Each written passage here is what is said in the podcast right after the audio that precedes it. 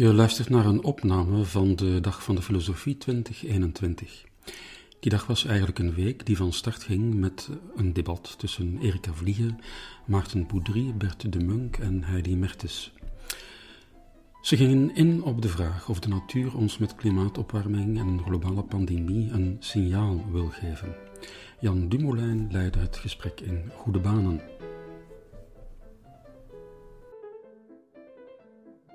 Dames en heren, zowel de opwarming van de aarde als de globale pandemie waarmee we nu sinds een jaar geconfronteerd worden, vormen als het ware een signaal van de natuur. Al dus in elk geval sommige commentatoren die deze metafoor gebruiken. En daarmee lijkt bedoeld te worden dat er een zeker evenwicht is verstoord in de omgang van de mensheid met haar natuurlijke omgeving, zoals ook eh, Jean-Paul al zei. En dat het steeds duidelijker wordt dat de gevolgen daarvan verstrekkend zijn. De critici van dit standpunt betogen echter dat dit een metafysische of zelfs religieuze visie is. De natuur heeft ons helemaal niets te vertellen. Anderzijds, vanuit ecologisch, economisch, juridisch en sinds deze pandemie ook vanuit een medisch standpunt, kan misschien worden geargumenteerd dat onze geglobaliseerde economie en de logica van de bestaande machtsstructuren grondig herzien moeten worden om de mensheid voor verdere rampen te behoeden. Ook op die manier zou dat zogenaamd signaal dus kunnen geïnterpreteerd worden. Dus het gaat hier over een tamelijk uitgebreid thema. Er zijn al veel discussies gevoerd, oneindig veel discussies op allerlei soorten niveaus over de pandemie waarmee we geconfronteerd zijn. Maar hier is het de bedoeling om dat dus wat rustiger en algemener filosofisch te gaan bekijken. En daarvoor hebben we een interdisciplinair panel samengesteld, um, waarvan, denk ik, uh, zeker Erika Vliegen weinig voorstelling nog behoeft. Zij is uh, infectiologe, interniste. En we zijn heel dankbaar, Erika, dat jij hier vandaag wil zijn, want van ons heb je waarschijnlijk de meest drukke agenda toch um, het laatste jaar gehad. Dat weet ik niet. Ik kan me dat toch voorstellen. Ik zou toch niet graag uh, in uw schoenen willen staan. Dan hebben we ook um, historicus Bert de Munk van de Universiteit van Antwerpen, die een, laten we zeggen, een, sociaal-economisch en wetenschapshistoricus is, en die toch een aantal uh, kritieken heeft geformuleerd het laatste jaar in opiniestukken over de manier waarop we als maatschappij met deze ziekte omgaan.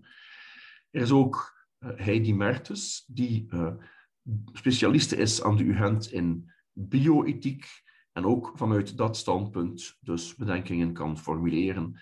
En tenslotte ook wel bekend bij de meeste mensen, veronderstel ik, Maarten Boudry, um, wetenschapsfilosoof, die natuurlijk heel vaak aan maatschappelijke debatten deelneemt.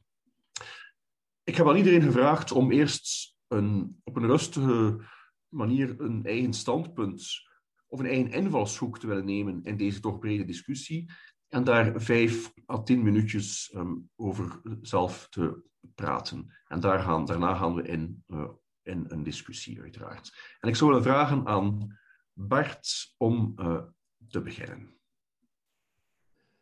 Oké, dat wil ik graag doen. Dank u wel, Jan. Uh, bedankt voor de uitnodiging ook. Ik heb inderdaad een tiental minuutjes inleiding uh, bij een soort statement voorbereid van tien minuten. En dat begint um, ja, met te zeggen dat, dat ik alvast niet denk dat de natuur signalen uitzendt. Ik geloof persoonlijk niet in een metafysisch of religieus zijn met een hoofdletter. Maar dat belet inderdaad niet, denk ik, dat er uit de pandemie en uit het voorbije jaar dat er lessen kunnen worden getrokken uh, over onze omgang met de natuur. Ik denk dat het goed uh, dat het thema niettemin heel relevant is. Want ik denk persoonlijk wel dat onze relatie met het virus dat dat een symptoom is van onze problematische relatie met de natuur. En één eh, element daarvan is, uh, is het overspringen van virussen van wilde dieren op de mens. Sommigen beweren dat dat te wijten is aan de menselijke expansiedrift en de toenemende uitbuiting van de natuur, wat mij aannemelijk lijkt, maar uh, dat is mijn expertise niet. Ik weet er persoonlijk weinig ehm, origineels over te zeggen, denk ik. Dus daar laat ik aan anderen over. Dat komt misschien zelfs nog aan bod. Wat ik daaraan wil toevoegen, is dat ook onze reactie op het virus ehm, problematisch is. Um, de hele idee dat we het virus kunnen verslaan, dat we het kunnen monitoren, controleren en uiteindelijk uitroeien, of dat we alleszins de curve kunnen platslaan, dat getuigt in mijn ogen van een heel grote menselijke overmoed. Uh, coronamaatregelen vertrekken van het idee dat we de natuur kunnen onderwerpen en sturen. of het nu gaat over tracking en tracing, afstand houden, hygiënische maatregelen, vaccins. Het veronderstelt toch allemaal een beetje dat we meester zijn over de natuur, dat de natuur maakbaar is en dat dat goed is. En volgens mij zijn problematisch voor. Ik heb twee redenen opgesomd, twee punten. Ten eerste maken de maatregelen, denk ik, zoals we die de voorbije, het voorbije jaar en een maand hebben gezien, maken die deel uit, ook de vaccins, denk ik, van het denken dat het aardse ecosysteem steeds meer beschadigt of alleszins bedreigt. De oorzaken van de klimaatproblematiek, het massale uitsterven van diersoorten, het verdwijnen van ecosystemen, het gaat allemaal een beetje terug op dezelfde overmoed, denk ik. Op het idee dat we de natuur kunnen onderwerpen en kunnen instrumentaliseren in functie van menselijke behoeften. Het zou me uiteraard nu te ver leiden om op de oorzaken hiervan in te gaan. Dat kan straks misschien nog. Maar het wortelt denk ik alleszins in de verlichting. Onder meer in het denken van John Locke heb ik eerder naar verwezen, die in, de tweede helft van de 17e eeuw schreef dat God de mens had opgedragen om de aarde te onderwerpen. En sinds de 19e eeuw is dit overmatig geloof in vooruitgang en moderniteit bovendien verbonden met een overmatig geloof in wetenschap en technologie. Wetenschap en technologie zijn de instrumenten waarmee we de natuur beheersen en onderwerpen en die ons helpen om de natuur te overwinnen. En het moet gezegd dat we daar als mens bijzonder succesvol in zijn geweest, niet het minst in de medische sfeer. We hebben de levensverwachting spectaculair opgedreven in het westen van circa 40 jaar midden 19e eeuw tot ruim 80 jaar op dit ogenblik. Dat was zelfs enkele decennia geleden nog ondenkbaar. Maar ik denk dat dat slechts het, al, het halve verhaal is. Want veel technieken die voor vooruitgang hebben gezorgd, hebben ook nieuwe problemen met zich meegebracht. En vaak zijn die problemen achteraf gezien groter dan de problemen die ze hebben opgelost. De verbrandingsmotor was ooit een prachtige uitvinding die de schaarste aan energie hielp overwinnen. Maar vandaag is het juist een van de belangrijkste oorzaken van de klimaatverandering. En dat is toch de grootste bedreiging van de mensheid tot nu toe, denk ik.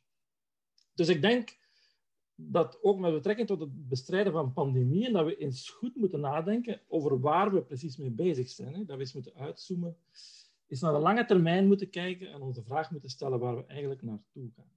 En dat brengt mij bij mijn tweede punt.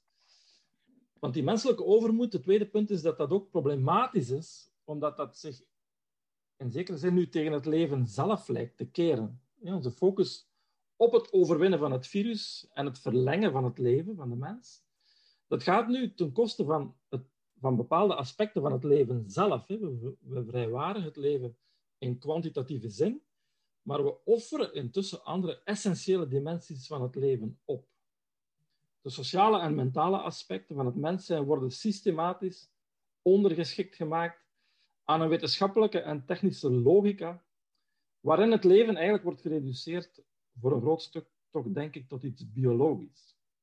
En in zekere zin worden we nu zelf als mens gereduceerd tot onderworpen natuur, zou je kunnen zeggen, tot iets volkomen geïnstrumentaliseerd en alleszins ondergeschikt aan een technocratische logica. En de vraag is dan waarom? Waartoe leidt dit? Wat is het hogere doel? En daar kunnen we volgens mij te raden gaan bij een aantal critici van de verlichting, die alleszins mij inspireren.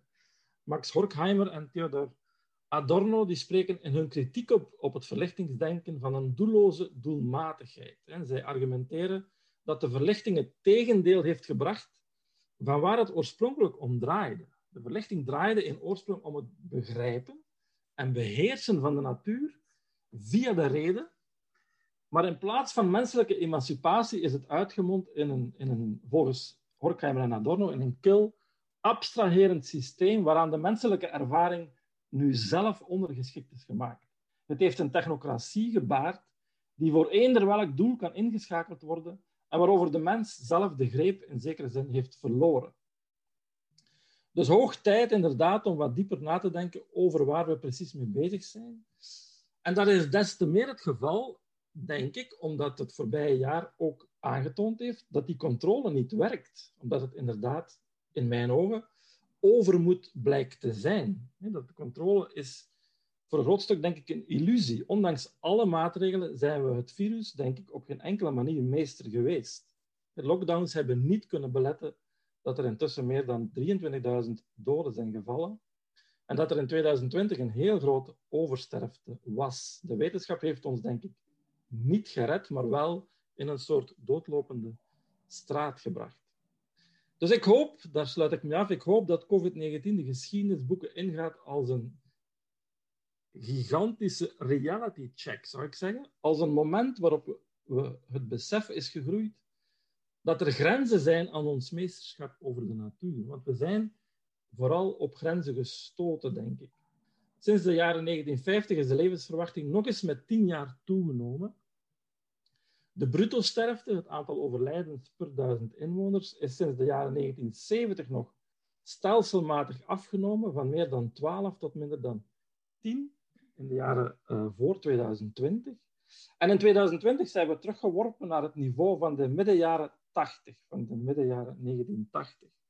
En het is in zekere zin, zou je kunnen zeggen, precies de winst in levensverwachting van de voorbije decennia, die zich nu tegen ons keert. Want 80% van de slachtoffers valt in de leeftijdscategorie die sinds de jaren 1950 verder is blijven toenemen, de plus 75-jarigen, plus 70-jarigen. Dus de medische successen van de voorbije decennia zijn nu in zekere zin als een boemerang teruggekeerd. Vandaar mijn idee dat we eens moeten denken aan, het, uh, aan, de, aan de mogelijkheid dat het vandaag, dat 2020 een reality check is. Want ik hoop dat we na 2021 dat we, daaruit, uh, dat we meenemen dat we misschien wat meer met de voeten op de grond moeten terugstaan en meer de dood en de grillen van de natuur misschien moeten leren accepteren terug. Want ons grootste probleem vandaag is volgens mij de illusie dat we dat allemaal kunnen controleren en dat we er allemaal meester over kunnen zijn. Voilà. I rest my case for the moment. Dank u, Bart. Ik geef dan het woord aan Erika. Oké, okay, goedemiddag. Ik heb hier uh, juist een tas koffie ter beschikking gekregen, dus dan kan dat namiddag al niet stuk. Um, ik zal eerst een, uh, uh, een, paar algemene overwegingen met jullie willen delen en dan misschien ook uh, een paar reacties al op, op wat standpunten van Bert. Um, goed. Um, ik vond dat een zeer interessante vraag. en ik moet eerlijk zeggen, ik ben ook blij om even voor twee uur even uit het gewoel van de, enfin, ik, wou niet, ik bijna zeggen de waan van de dag, en dat is ook soms zo, maar de, ja, de, de crisis van de dag te gaan. Want het is zeker niet zo dat wij ons ook niet af en toe afvragen, waar zijn we mee bezig en waarom doen we dit en moeten we dit nog doen? En dat heel belangrijk is om je dat altijd te blijven afvragen. Um, goed, zelfs al uh, zijn mijn gedachtegangen toch wel grondig verschillend van de vorige spreker, maar dat zal jullie niet verbazen. Um, maar goed, eerst terug naar de eerste vraag. Geeft, is, die, is, hier een signaal van de natuur? Geeft de natuur ons een signaal? Wel, laat ons zeggen, um, ik, ik ben, ben, arts, dus dat wil zeggen, ik, ik heb mij eigenlijk gespecialiseerd in één species.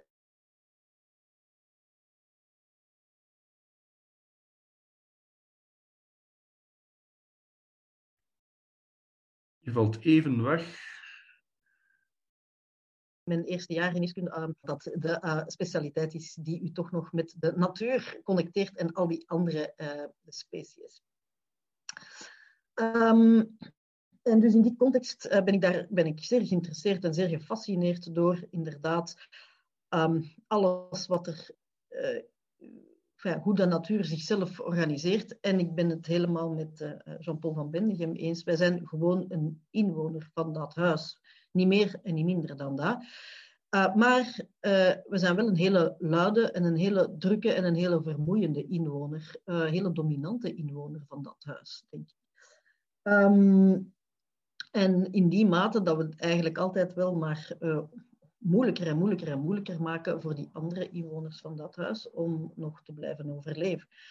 En um, ja, ik, uh, ik, ik ben een infectioloog, dus ik behandel infecties, dus ik bestrijd veel van die andere uh, er heeft ooit eens iemand gezegd tegen mij, een collega-arts, ja zeg, Erika, jij, jij, jij schiet ook met alles wat je in je handen kunt krijgen, op al, op al die beesten. Nu, ja, dat, dat, dat is ook zo. En vanuit medische oogpunt denk ik dat dat ook wel belangrijk is om dat te doen, um, wanneer het zinvol is. Maar goed, um, die natuur, die, dat is een, een gegeven op zich. Dat, dat, dat loopt, dat bestaat. We maken daar deel van uit. Uh, ook onze cultuur en ook ons denken maakt daar deel van uit, voor mij. Uh, dus dat, dat staat helemaal niet in contrast. Maar wij zijn gewoon een enorme dominante species geworden op aarde. En ik denk dat een van de grote problemen is. Want elke species doet een gevecht voor overleving. Um, en je hebt eigenlijk permanent een survival of the fittest. En wat dat wij doen, um, ook nu met dit virus, is niet meer of niet minder dan dat. Dat is, uh, ja, uh, proberen te overleven. Um, uh, en die vraag stelt zich niet alleen in de context van, van virussen, maar maar, maar ook breder, eh, andere micro-organismen, ook de problematiek van antibiotica-resistentie bijvoorbeeld, heeft, um, is heel erg, um, ja, wordt vaak gezegd, ja, dat is een signaal van de natuur en we verbruiken en gebruiken te veel en dan passen bacteriën zich aan. Dat is onzin, dat is niet waar. Die, die, die veranderen de hele tijd en als die een voordeel zien, als die ergens een gaatje zien, ja, dan zijn die weg. En dus lost ons gedrag. Ja, uh, maar ja, je moet gewoon de natuur bestuderen om te zien dat, dat, dat die gewoon elke keer opnieuw proberen te overleven. Dus wat dat betreft, nee, er is geen signaal, maar ja, er is wel een groot probleem. Want ja, ik denk dat we gewoon moeten vaststellen dat we als uh, soort enorm um, al die andere soorten in de, in, de verdrukking brengen. Um, en dat we eigenlijk nog maar aan het tipje zijn om te begrijpen ja, hoe, um, hoe, dat, die, dat, dat, dat hele uh, kwetsbare evenwicht tussen al die verschillende soorten in elkaar zit. Um, of dat nu uh, het feit van het ontstaan van deze pandemie, of dat dat een sign of the times is, ja, daar ben ik eigenlijk nog niet over uit. Want het is niet zo dat uh, dit het tijdperk is van de zoonoses, van, van, van dieroverdraagbare aandoeningen. Die zijn er ook altijd geweest. Um, bedoel, um, of het nu pestepidemisch waren, of, uh, of brucellose, of leptospirose,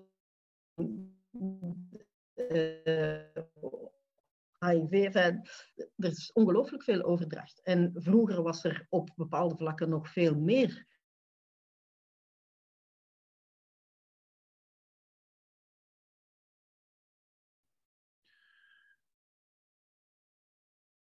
ik denk dat er hier een kleine probleem met je verbinding is. Uh,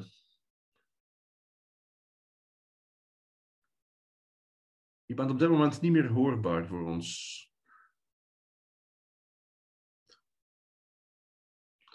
Ja, het is niet alleen het geluid die weg is. Ik denk dat de, de, verbinding... Um, misschien kun je even je, je, je, je beeld uitzetten of zo. Of zet je op een plaats met de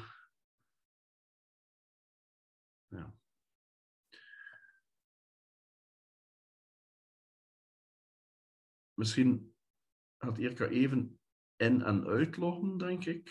Ja, dit blijft toch, dames en heren. Uh, als er iets een signaal is van deze tijd, of een sign of the times, dan is het toch wel dit soort tafereelen op digitale conferenties. Uh, ja, ik ben even aan het twijfelen over... Het is een signaal van het algoritme. Ja. Deze sessie toch niet uh, op prijs kan stellen. ja, ik loop het maar wat vol, hè, Jan, want dan... Ja, ja, ja, gelijk, ja.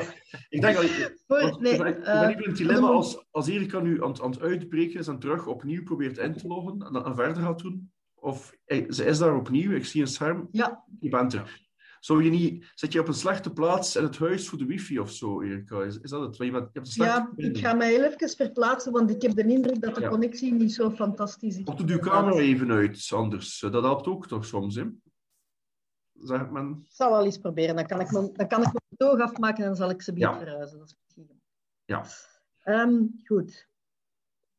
Dus, met andere woorden, allee, voor mij, eh, de natuur is wat dat ze is. En wij proberen ons daar als mens een, een, een- weg tussen te vinden of te zoeken. Ehm, ja, en we zijn daar zeer succesvol in geweest de laatste eh, jaren, decennia. Eh, maar nu komen we stilaan tot het besef dat we daar op die limieten botsen. En dan ineens komt daar zo'n pandemie, zo'n uitslaande brand, zo'n dijkbreuk, hoe dat je het ook wilt noemen. Daar is natuurlijk de vraag, ja, als je heel veel tijd hebt en je, kunt daar, je hebt eh, eh, weken, maanden, jaren de tijd om daarover te filosoferen en te debatteren, dan is dat bijzonder interessant. Maar dit, voor mij is, is, is, is, zijn de overwegingen van, ja, eh, moeten we dat nog wel allemaal doen? Moeten we al die mensen wel Ehm, eh, eh, moeten we al die levens nog wel willen redden? En dat zijn allemaal ouderen en diabeten en obezen enzovoort. Eh, laat het, het ethische debat even aan, aan collega Mertens. Maar, want dat is, een, heel complex debat. Ehm, maar dat zijn overwegingen, dat, dat, dat is bijzonder moeilijk op het moment dat je met een uitslaande brand zit. En dan moet er wel iemand beslissen, wat doen we? Wat is de lijn die we volgen? Gaan we gewoon zeggen, oké, we, we blijven hier eh, flegmatisch in. Ehm, eh, we laten dit eh, over ons heen komen. We, laten, eh, we laten die storm gewoon uitrazen en dan eh, kloppen we het stof van onze kleren en doen we voort. En kunnen we ons dat überhaupt permitteren? Ja, er is dan in het begin van de epidemie ook wel vaker de vergelijking gemaakt, bijvoorbeeld met de Hongkong-griep. En, eh, uh, waarbij men zei, ja, daar zijn toch ook bijzonder veel doden gevallen en eigenlijk staat dat nauwelijks nog in de geschiedenisboekjes. Mensen herinneren zich dat niet en nu hè, maken wij zoveel fuss over onze geest. Um, mijn, um, enfin, ik ga niet te lang spreken, want er zijn nog andere uh, mensen die ook boeiende standpunten willen uh, tentoonspreiden, maar ik denk een paar zaken die we toch al moeten meenemen in dit debat. Ten eerste de urgentie en het feit dat je uh, op korte tijd moeilijke beslissingen moet nemen voor een hele grote populatie. Ten tweede, ja, er zijn wel wat natuurlijke experimenten, wat, wat als situaties. Kijk maar naar Brazilië. Weet niet per se of dat, dat het maatschappijbeeld is waar dat we nu in deze urgentie naartoe willen gaan. Um, ik ben ook per se niet blij met, de, met het feit dat wij al een jaar met de billen dichtgeknepen moeten leven. Hoor. Het is niet dat ik daar fan van ben, maar dat is voor mij persoonlijk nog altijd de minst slechte oplossing. Daarover later meer. Um, maar ik, denk, hè, deze debatten, wij zijn als wetenschappers ook gewend om debatten te voeren, ook bijvoorbeeld over antibioticaresistentie, in alle rust en in een beslotenheid van een wetenschappelijk debat. Maar als je dan ineens hele urgente maatschappelijke beslissingen moet nemen, dat is toch nog wel een ander paar mouwen. Goed, ik wil het daar voorlopig al bij laten. Um, de rest van wat hier op mijn bladje genoteerd staat, hou ik wel voor dadelijk tijdens het debat. Dankjewel. En dan zo gaan we nu het woord effectief aan Heidi geven. Uh, Oké, ik wou uh, vooral ook vanuit de, beginvraag uh, starten en dan kunnen we misschien later meer ook in debat gaan. Um, maar die vraag geeft de natuur ons een signaal. Ik denk dat we hier rond de tafel wellicht wel ongeveer akkoord zijn dat de, dat de natuur niet er heel hard over heeft nagedacht en ons dan een, een signaal bewust heeft gestuurd. Um, ik denk ook uh, dat het wellicht zo is dat we ook deze COVID-pandemie zouden kunnen gehad hebben zonder de milieuproblematiek waar we in zitten. Hè. Zoals Erika net zei, uh, zoonose is niet nieuw van, van het laatste jaar. Um, maar los daarvan denk ik wel dat er uh, belangrijke gemeenschappelijke acties mogelijk zijn die zowel de klimaatproblematiek bestrijden als mogelijke toekomstige pandemieën. Um, en ik zou daar wat willen op ingaan.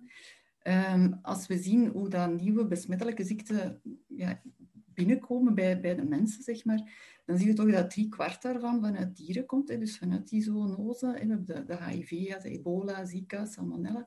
En vaak hoor je dat ook in de namen. Hè, de vogelgriep, uh, de varkensgriep, de, de gekke koeienziekte. Allee, de, de Creutzfeldt-Jacob was dat dan in mensen. Maar zijn vaak ziektes die van dieren overkomen naar mensen. Um, ongeveer in, een recente studie las ik uh, um, in Science dat er in de, in de laatste honderd jaar dat we ongeveer twee virussen per jaar zien, ernstige virussen die van dieren op mensen komen. Um, en dat heeft dan wel degelijk te maken met een aantal, uh, met de manier waarop dat we omgaan met onze natuur ook. Alhoewel dat dat dus ook in andere situaties vroeger hè, zich, zich voordeed. Maar we zien dat toch toenemen omdat we bijvoorbeeld het leefgebied van bepaalde dieren uh, inperken door bijvoorbeeld ontbossing. En zeer vaak is de transmissie uh, in de buurt van tropische wouden, de, de oorspronkelijke transmissie. Bijvoorbeeld bij ebola hebben we dat gezien. Um, Waarbij dat je, ja, als je dat leefgebied van dieren inperkt, als je, als je door ontbossing bijvoorbeeld een, een eh, leefgebied van, van een bepaalde soort inperkt, gaan ze zich verplaatsen. Komen zij in contact ofwel met andere diersoorten ofwel rechtstreeks met mensen, waardoor dat je dus die, die transmissie krijgt. Uh, een andere factor die daar blijkbaar ook uh, op zou inspelen, um, is, zijn, zijn dierenmarkten bijvoorbeeld, hè, waar dat je vaak ja, zowel wilde als niet wilde dieren, maar met elkaar in contact brengt en met mensen in contact brengt. Um, en daar zien we toch dan wel, als je ja, een actie wil ondernemen om te vermijden, dat je daar, uh, volgens die ene studie zou je bijvoorbeeld, als je ontbossing en handel in wilde dieren uh, aan banden zou willen leggen of, zou willen tegengaan, dat je dat ongeveer 2% per jaar wel, moet ik erbij zeggen, uh, 2% zou kosten van hetgeen dat de COVID-crisis ons nu al gekost heeft.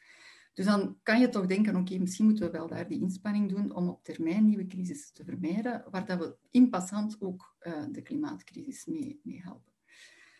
Um, uh, ja, wat daar ook nog bij komt, uh, is de, manier van dieren kweken. Hè. Dus um, we hebben um, ja, door de manier waarop onze, onze veeteel bijvoorbeeld georganiseerd is, of, of pluimveebedrijven, zet je veel dieren samen.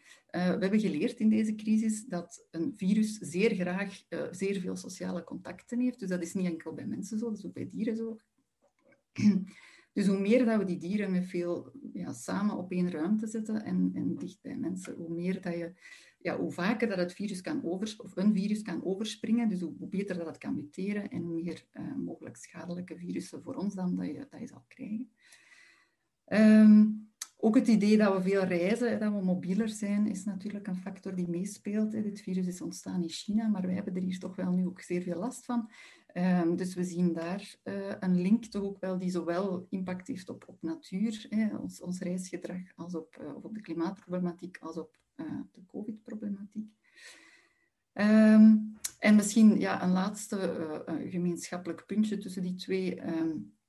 Je zou bijvoorbeeld ook wel zien dat in regio's waar er meer luchtverontreiniging is, dat je daar ook vaak slechtere afloop ziet bij COVID-patiënten. Uh, wat ook geen, geen rocket science is, denk ik. Dat werd wel verwacht en is ook, is ook bevestigd.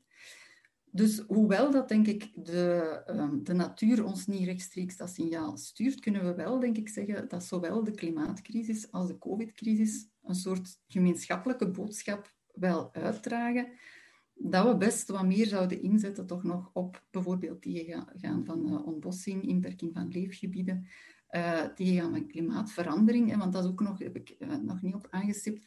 Maar door de verandering in temperaturen heb je eigenlijk een soortgelijke um, uh, effect als bij ontbossing. Hè, dat, dat, dieren zich gaan verplaatsen, gaan migreren naar ja, koelere gebieden uh, is dat dan meestal. Waardoor dat je contacten hebt tussen andere diersoorten of tussen mens en dier die ervoor niet in contact waren, waardoor dat je ook weer gemakkelijker die, die overdracht hebt. Um, en dan um, de, ja, de, de link die, die Jan ook al in de, inleg, in de inleiding legde naar, um, naar, naar ja, misschien machtsstructuren die we, die we moeten herzien. En, en de geglobaliseerde economie denk ik dat hier ook wel dan belangrijk is. Want het feit dat natuurlijk uh, in het Amazonewoud, uh, ja, het deel van het woud ontbost wordt, is niet enkel omdat die boer daar in zijn eigen levensonderhoud uh, wil onderzien of, of, voedsel wil kweken hè, om zelf op te eten. maar dat is vaak ook wel natuurlijk omdat er een internationale markt is. Hè. Er wordt daar palmolie, soja gekweekt die uiteindelijk wordt uitgevoerd naar, naar ontwikkelde landen. Dus het is niet dat dat ons niet um, aangaat als, als globale uh, burger. Um, en dan misschien om toch uh, misschien wat meer naar de, naar de ethische uh, kant te gaan als ethicus. Um, ik denk dat we wat die machtsstructuren betreft toch ook wel gezien hebben in deze crisis, dat we, en zowel in de klimaatcrisis als in de, in de covid-crisis, dat we daar het, het lokale belang van een land of van een persoon, een individueel persoon en, het globale belang, dat dat vaak botst en dat we toch vaak te weinig inzien dat we eigenlijk via het globaal belang ook ons lo lokaal belang uh, wel dienen. Um, ja, als we bijvoorbeeld klimaatdoelstellingen, ja, dat is niet leuk als individueel land als je dan ook maatregelen moet invoeren om, om die te halen. Um, maar uiteindelijk, ja, als we globaal gezien een beter klimaat hebben, gaan we daar natuurlijk ook lokaal uh, goed bij varen. Hetzelfde bijvoorbeeld nu bij de verdeling van vaccins. Het is begrijpelijk dat elk land liefst zo snel mogelijk de eigen bevolking uh, volledig inent. Maar natuurlijk, als je op globaal niveau dan in bepaalde landen um, de, het virus compleet niet kan indijken, um, dan zijn we daar ook lokaal niet beter van. Hè. België gaat daar zelf ook last van ondervinden als er in andere landen het virus uh, voort, voortwoedt uh, en uiteindelijk terug zal muteren, misschien weer tot een mutatie waar we dan niet tegen ingeënt zijn. En de Wereldgezondheidsorganisatie heeft daar wel een, een rol in gespeeld. En allee, toch ja, ook geprobeerd om daar ja, heel de boel wat eerlijker te maken, maar dat is denk ik toch wel met gemengd succes, mogen we zeggen. Um, en dan misschien een allerlaatste puntje voor ik het woord doorgeef aan Maarten. Um, maar we zien bijvoorbeeld ook wel de, de macht van bedrijven, um, dat we daar toch ook misschien wel eens over moeten nadenken. Dat is ook iets dat we zowel in de klimaatcrisis zien als nu. dat bepaalde, in dit geval nu farmaceutische bedrijven, toch in een machtspositie zitten, waarbij dat ze eigenlijk wel kunnen bepalen welk land uh, sneller of minder snel uit de crisis geraakt. Hè. Uh, we hebben het voorbeeld van Israël waar toch wel vragen gesteld worden. Enerzijds uh, hebben zij wellicht een, een, veel hogere prijs betaald, maar hebben zij mogelijk ook, um, ik denk dat dat redelijk betrouwbare uh, vermoedens zijn, uh, patiëntengegevens ook wel aangeleverd aan Pfizer. Wat dat op zich, dat, is niet, dat is niet dat Pfizer daar, ik weet niet welke um, uh, diabolische doeleinden mee heeft. Dat is ook wel om uh, de farmaceutische vooruitgang te, te, te, bestendigen. Maar op zich is het wel zo dat die data, patiëntendata van mensen eigenlijk verhandeld worden tegen die vaccins. Um, waardoor dat men gemakkelijker ingeënt geraakt, maar waardoor dat die farmaceutische industrie ook wel een zekere macht heeft over overheden. Um, en wat we in de klimaatcrisis ook wel, misschien op een ander niveau dan, maar zien dat er daar ook bedrijven zijn die een bepaalde grote macht hebben. Daar zien we dan bijvoorbeeld oil- en gaslobby's, uh, die toch wel uh, ja, macht hebben over overheden om eigenlijk het, niet noodzakelijk het algemeen belang te dienen, maar wel meer uh, dat commercieel belang. Um, ik denk dat dat mijn voornaamste puntjes waren die ik wou aanbrengen in de discussie. Um, en dan kunnen we misschien straks nog ingaan op enkele dingen die de andere mensen gezegd hebben. Dank u wel. Er worden meer elementen aan het debat toegevoegd. En Maarten mag deze eerste ronde afsluiten. Ja, ik zal het ook vrij beknopt houden, want ik, heb al veel gehoord uh, ja, waar ik het mee eens ben, soms ook grondig mee oneens ben, maar dat zal ik dan laten tot de, tot de discussie straks. Uh, ik denk dat we het inderdaad op een bepaald vlak allemaal wel eens zijn dat de natuur uh, ja, ons geen betekenisvol signaal uitstuurt. Uh, dus het idee dat uh, moeder natuur, dus een, zo'n antropomorfe voorstelling van de natuur die ons iets wil duidelijk maken, dat is inderdaad een vorm van, van bijgeloof of een, ja, misschien inderdaad nog een doorwerking van een uit-religieuze wereldbeeld. Maar wat ik misschien eventjes wil toelichten is waarom uh, waarom het precies onmogelijk is voor de natuur als geheel om een signaal uit te sturen. Ik denk dat dat op zich een interessante vraag is. Want uh, de natuur kan in andere contexten, dat wil zeggen, er zijn eh, biologische mechanismen, die wel degelijk signalen kunnen uitsturen. Ons eigen lichaam bijvoorbeeld kan ons een signaal uitsturen.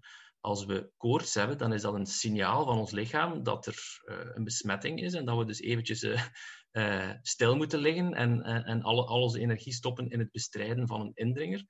Als we uh, braken, is dat een signaal van ons lichaam dat uh, we een of andere toxische stof hebben um, opgegeten of opgedronken en dat die moet verwijderd worden dus, dus uit ons lichaam. Ehm, dus in die contexten kan de natuur of kan, kunnen fysiologische mechanismen wel een signaal geven. Dus waarom is dat niet mogelijk voor de natuur als geheel?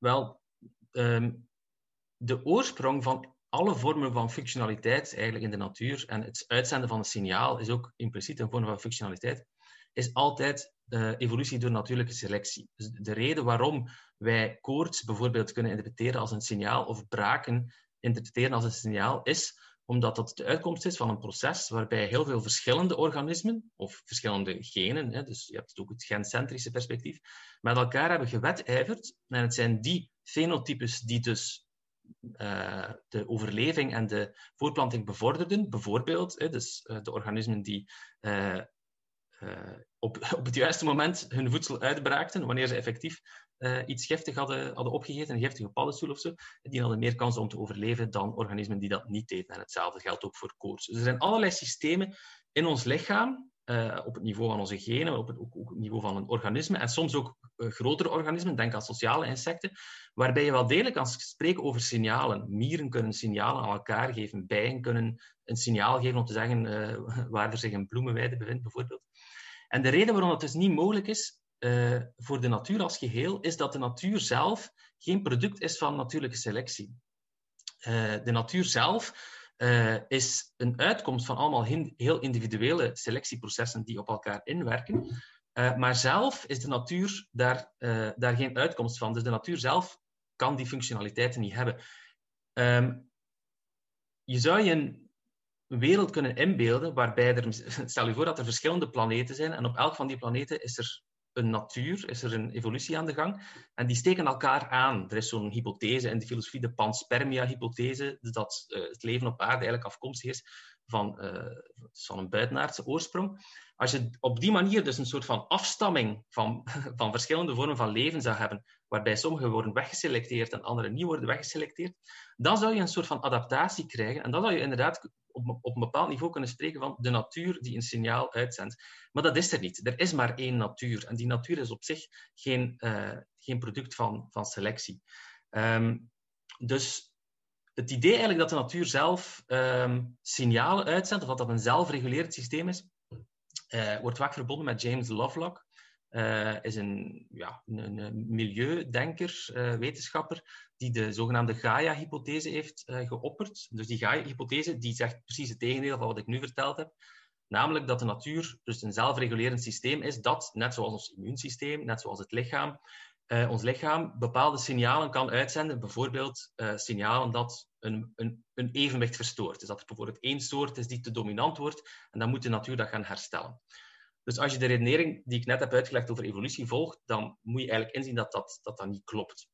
Um, en het is merkwaardig wel, als je kijkt naar de, ja, de afgelopen maanden en wat, er, wat sommige mensen over het virus hebben verteld, dan zie je, de naam Gaia valt daar dan niet zo vaak, maar je ziet vaak wel dat die, uh, uh, dus dat impliciet dat, dat, dat idee van die, um, van, van, van die Gaia-hypothese wel doorwerkt.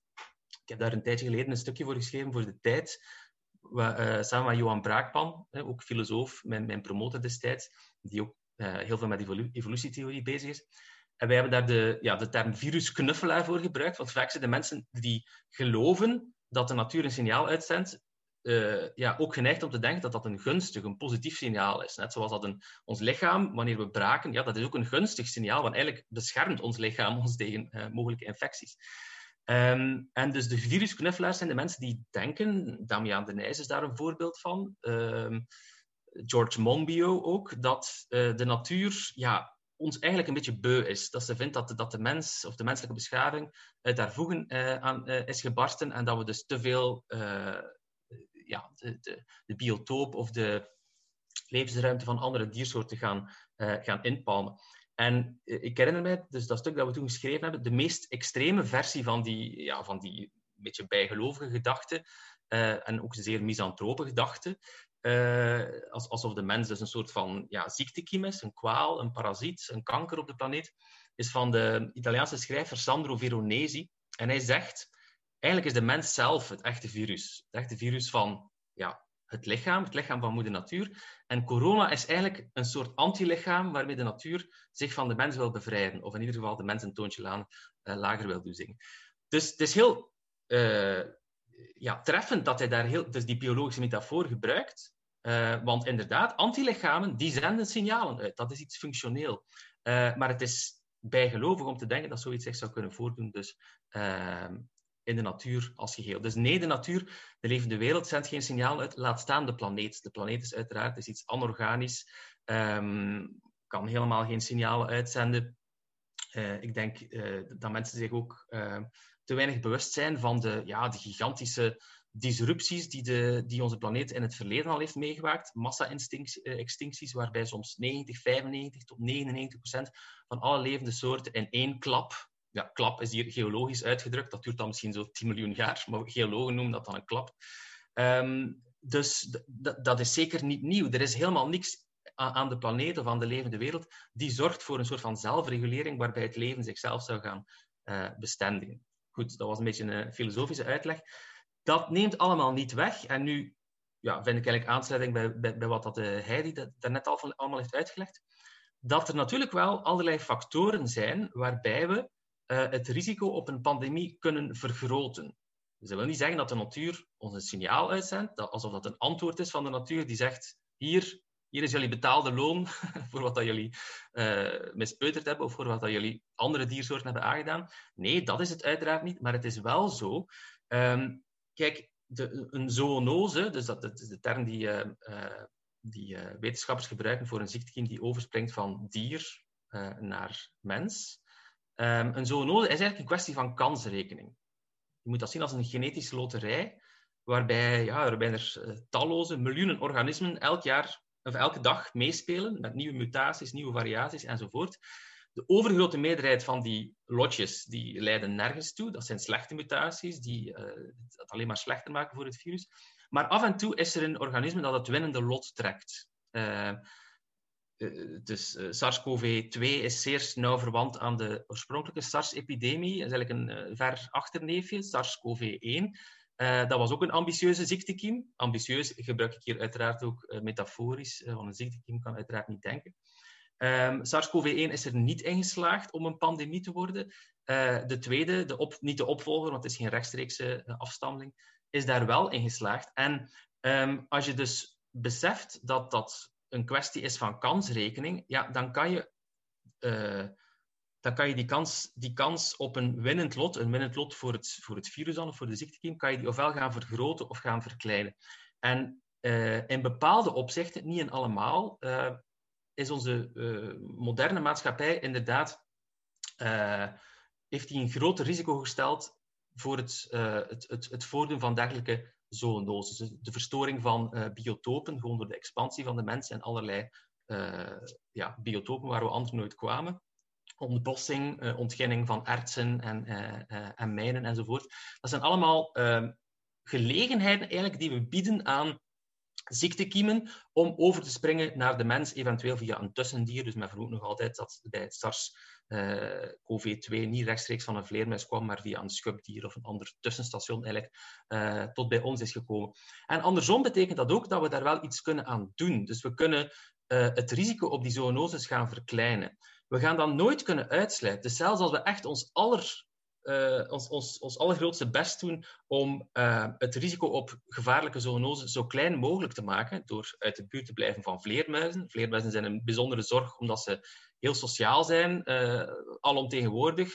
Een kwart van alle zoogdieren op aarde is een vleermuis. ze zitten chockvol virussen um, en, um, en, ze, en ze zijn... Um, ja, dus ze, door het feit dat ze mobiel zijn, zijn er meer contactpunten met de mensen. Dus we kunnen uit de buurt blijven van vleermuizen. We kunnen ja, uh, die wet markets gaan verbieden. We kunnen stoppen met ontbossing enzovoort. Uh, maar we moeten ons ook geen illusies maken. Zelfs als we al die inspanningen leveren, zullen we het risico op zoonoses nooit tot nul kunnen herleiden. Het blijft dus altijd een kwestie van kansrekening.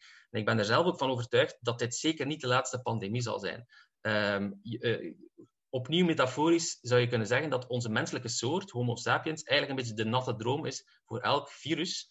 We zijn een soort ja, met enorm, enorm grote aantallen, 7, 8 miljard uh, ja, uh, organismen. die zeer mobiel zijn, die de hele wereld uh, rondreizen, wat een enorme opportuniteit is natuurlijk voor ziektekiemen, want zij kunnen letterlijk op een paar uur kunnen zij de hele wereld oversteken en op die manier uh, steeds meer mensen besmetten. We hebben ook een zeer lage genetische diversiteit. Dat is zoiets, uh, als je een lukraak, een boom neemt waar er chimpansees in zitten, dan, dan, is er daar vaak meer de genetische diversiteit tussen die chimpansees binnen dezelfde boom dan je vindt uh, voor de hele menselijke soort. Dat heeft ermee te maken dat de mens ooit door een genetische bottleneck is gegaan. Dus dat onze populatie van mensen ooit uh, zeer klein was, men vermoedt enkele tienduizenden mensen. Dus onze genetische diversiteit is zeer laag. Dus wij zijn een zeer ja, vatbare prooi voor allerlei uh, pandemieën. En ik weet niet, ik ben waarschijnlijk al een aantal minuten bezig, dus ik zal, ik zal beginnen afronden. Um, maar ik zal ja, misschien even terugkoppelen naar het punt wat, uh, wat Bert helemaal in het begin aanhaalde. Ik ben wel iemand die gelooft in vooruitgang en, en, en wetenschap. En die misschien wat dat betreft overmoedig is, zou Bert zeggen. Ehm, ik geloof ten eerste dat we er wel degelijk in geslaagd zijn om het ergste te vermijden. Dus als we niet hadden ingegrepen, als we geen lockdowns, avondklokken, restricties, uh, testing en tracing hadden ingevoerd, dan zou dit allemaal nog veel erger geweest zijn. Zou, zou er een, een, een, veelvoud van slachtoffers geweest zijn, zowel dodelijke slachtoffers als langdurige zieken. En ik geloof ook wel dat het vaccin dat we nu ontwikkeld hebben, de, de verschillende vaccins, dat is echt een triomf van het menselijk intellect. Dat is, er is geen enkele diersoort die, die daartoe in staat is om zichzelf te beschermen tegen een ziektekiem.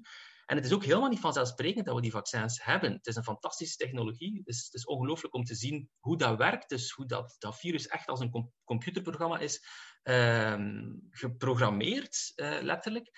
En ze hebben een bijzonder hoge effectiviteit. Dus uh, ja, ik wil niet te overmoedig zijn. Ik denk niet dat we SARS-CoV-2 ooit gaan uitroeien. Daar zijn biologische redenen voor.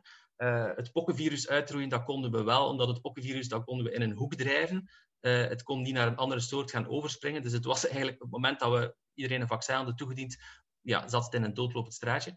Dat is helaas met het coronavirus niet zo. Dus ik geloof niet dat we het ooit gaan uitroeien. Maar we zullen het klein krijgen, ongetwijfeld. Dus ik denk uh, dat, dat we door de vaccins letterlijk ja, tientallen miljoenen levens gaan redden. Is dat dan overmoed? Ik denk het niet. Ik denk dat je daar eigenlijk uh, ja, daar redelijke argumenten voor kan aandragen waarom dat, eigenlijk, waarom dat een vrij realistische voorspelling is. Um, ik denk dat ik het hierbij zal laten. Ja, ik, ik heb de, de, de, de vraag, de algemene vraag beantwoord. Denk ik, de, de rest zal uh, voer zijn voor de discussie die, die, uh, die nu volgt. Dank je. Zijn er nu mensen die zeggen, ik wil nog direct eens reageren op wat een andere spreker heeft gezegd? Heidi? Ja, ik misschien wel. Ik wil ook nog eventjes opgaan, uh, ingaan op wat Bert in het begin zei. Uh, omdat ik denk dat je... Ik denk dat, het, dat er een, een terechte um, bezorgdheid is in de zin van dat we... Um, dat vaak techniek hè, op zichzelf begint te, te, te, leven en dat idee van die technologische imperatief en dat we soms vergeten waarom dat we eigenlijk bepaalde technische innovaties nastreven, dat dat soms een doel op zich wordt. Dus daar kan ik mij in vinden. Um, maar los daarvan denk ik toch wel, zeker in deze pandemie, dat dit nu net een voorbeeld was waarbij dat, dat niet het geval was. Uh, ik denk dat we hier toch, en daar, daar uh, ja, ga ik akkoord met wat Maarten net zei, dat we hier toch wel duidelijk zien dat we echt miljoenen, miljoenen levens wel gered hebben. En oké, we zijn er niet geslaagd om ineens met een vingerknip uh, alles op te lossen, maar dat neemt niet weg dat we toch wel, denk ik, zeer veel leed hebben, hebben vermeden. Dus ik denk dat dit nu net daar geen goed voorbeeld van is. Alhoewel dat ik denk dat je wel andere voorbeelden kan bedenken, waar dat we inderdaad soms wel allerlei technologieën loslaten die dan uiteindelijk meer nadelen met zich meenemen, meebrengen als voordelen. Erika? Uw micro staat nog uit, Erika. Ik wil daar nog even op verder bouwen, hè, want um, ik, uh, ik ben zelf arts en, en, en ik denk uh, zelf de grootste voorstander van een, een, een goed en rationeel, wat wij noemen DNR-beleid. Do not resuscitate. En, om op voorhand met uw patiënten, bij voorkeur op voorhand met uw patiënten, zeer goed dialoog te hebben over wat wil je dat ik nog doe en hoe ver moeten we nog gaan enzovoort. Heel dat levens, die levens en ik denk, uh, dus dat, dat zijn allemaal zaken die je op individuele schaal, met een individuele patiënt, um, goed moet bespreken. En dat neemt niet weg dat wij bijvoorbeeld hè, uh, op intensieve zorgen in andere omstandigheden vroeger ook wel vaker dachten, moeten we dit en dat nog allemaal wel doen? En waar, dus dat, zoals ik zei, dat, dat, dat is een heel uitgebreid en moeilijk ehm, ethisch debat, waar heel veel verschillende stemmen in zijn, waar ook heel veel culturele verschillen, religieuze verschillen in zijn enzovoort. Dus dat is een debat dat je niet um, op een half uur tijd kunt afronden, dat je voor een individuele patiënt bij voorkeur uh, lang voor het leven zijn zich aankondigt, al doorspreekt als, als huisarts enzovoort. En dat zijn, by the way, debatten die heel vaak in de woonzorgcentra niet gevoerd waren, waardoor dat in die eerste golf ook heel veel mensen uiteindelijk nog in het ziekenhuis terechtkwamen enzovoort. Enfin, dat, is een, dat is een debat op zijn eigen. Maar waar ik naartoe wil is, um, dit, uh, de, de, bedenking van moeten we, nog, moeten we echt alles doen met onze technologie? Wat kan? Hoe ver moeten we gaan met onze geneeskunde enzovoort? Hè? Moeten wij alle 90-jarigen hun leven nog redden? Moeten wij alle 80-jarigen? Uh, moeten wij alle obese redden? Uh, dus dat dat is een heel uitgebreid debat. Um, wat mij betreft mag dat debat zeker gevoerd worden, maar dat, dat is een debat waarvan je weet waar dat je begint, maar niet weet waar dat je eindigt. Want dat gaat ook over, moet je bij mensen die roken nog cardiovasculaire chirurgie doen, moeten nog kankerchirurgie doen. Dus dat is, een, dat is een zeer uitgebreid debat dat je niet op 1, 2, 3 hebt opgelost. En als er zich dan, en zal het op individuele schaal, hè, als zo'n patiënt zich ineens bij ons aandient, en die uh, komt met een zwaar hartinfarct, nog voor je dat debat hebt afgerond, wat doe je dan? Ja, gereanimeert je natuurlijk. Uh, en dat is hetzelfde wat zich nu maatschappelijk ook voordoet. Dit debat over wat, wat, wat, wat kunnen we aan als maatschappij, wat gaan we doen enzovoort. Ja, die keuze hadden we niet. Dus je moet op een bepaald moment zeggen, oké, we, doen hier, uh, ja, we gaan reanimeren of we gaan over tot grote maatregelen. Wat niet wil zeggen dat dat debat op zich niet mag gevoerd worden, maar uh, ik voorzie niet dat dat een eenvoudig debat zal worden. Um, voilà, dat was een korte interventie daarover. Mag je daar nog even op reageren, Jan? Ja, absoluut. Ja. Uh, want ik zie hier geen... Uh, zijn er ook knopjes om hand op te steken? Dat weet ik niet. Wel, dat is niet nodig. We zijn er maar vier, ja. Ja, ik wou, uh, ik wou nog even reageren. Twee puntjes. Ehm, want het, het idee van het zou nog veel erger geweest zijn als we niet hadden ingegrepen. Voor, ik volg de literatuur natuurlijk ook wel een beetje. Niet als filoloog, maar, maar wel als iemand die die toch een beetje weet hoe wetenschap werkt. En voorlopig zie ik daar niet veel bewijs van dat dat inderdaad het geval is geweest. We, hebben, we zijn in lockdown gegaan op basis van heel alarmerende um, simulaties.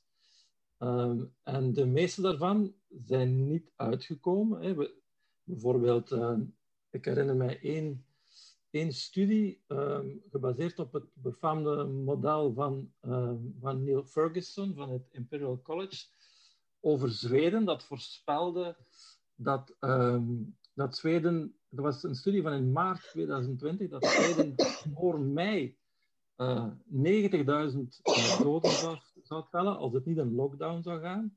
Nu, Zweden is niet een lockdown gegaan en er waren uh, minder dan 6000 doden voor de eerste golf. Dan. Ondertussen zijn het er ook al meer natuurlijk, maar zelfs met golf 2 en 3 erbij komt Zweden nog altijd niet in de buurt van die simulatie. En nu zijn we een jaar verder. En nu, nu ja, ons, zijn er de eerste uh, observaties, hè, de studies die proberen uh, dan in kaart te brengen waar lockdown-maatregelen hebben gewerkt en welke hebben gewerkt. En de meeste daarvan die vinden heel weinig correlatie tussen lockdown-maatregelen en, en, uh, en het aantal doden of het aantal mensen op, op IC's. Dus ik, ik durf nog ja. altijd uh, de mate waarin, uh, waarin we inderdaad succesvol geweest zijn, uh, in vraag stellen. Want ja. volgens mij is daar het laatste woord nog lang niet, niet over gezegd. En twee, ondertussen begint wel ook de nevenschade die we ondertussen hebben aangericht duidelijk te worden. Hè. De prijs die we betaald hebben is in, intussen heel hoog. Hè. De, de levensverwachting in, in woonzorgcentra is uh, de gemiddelde levensverwachting in woonzorgcentra is zes maand, denk ik.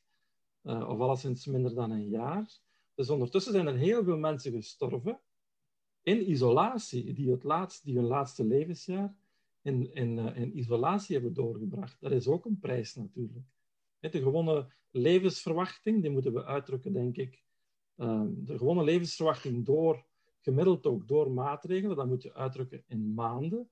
Ondertussen hebben jongeren anderhalf jaar verloren van hun normale ontwikkeling. Ik las van deze morgen nog dat er uh, volgens de cijfers van Cienzano, maar ik heb het heel snel bekeken, uh, uh, maar als ik het snel omgerekend heb en als ik me niet vergist heb, zijn er nu significant meer zelfmoordpogingen per dag, tot 100 per dag, extra mensen die het leven moe zijn. Dat is natuurlijk ook een heel grote prijs die je betaalt.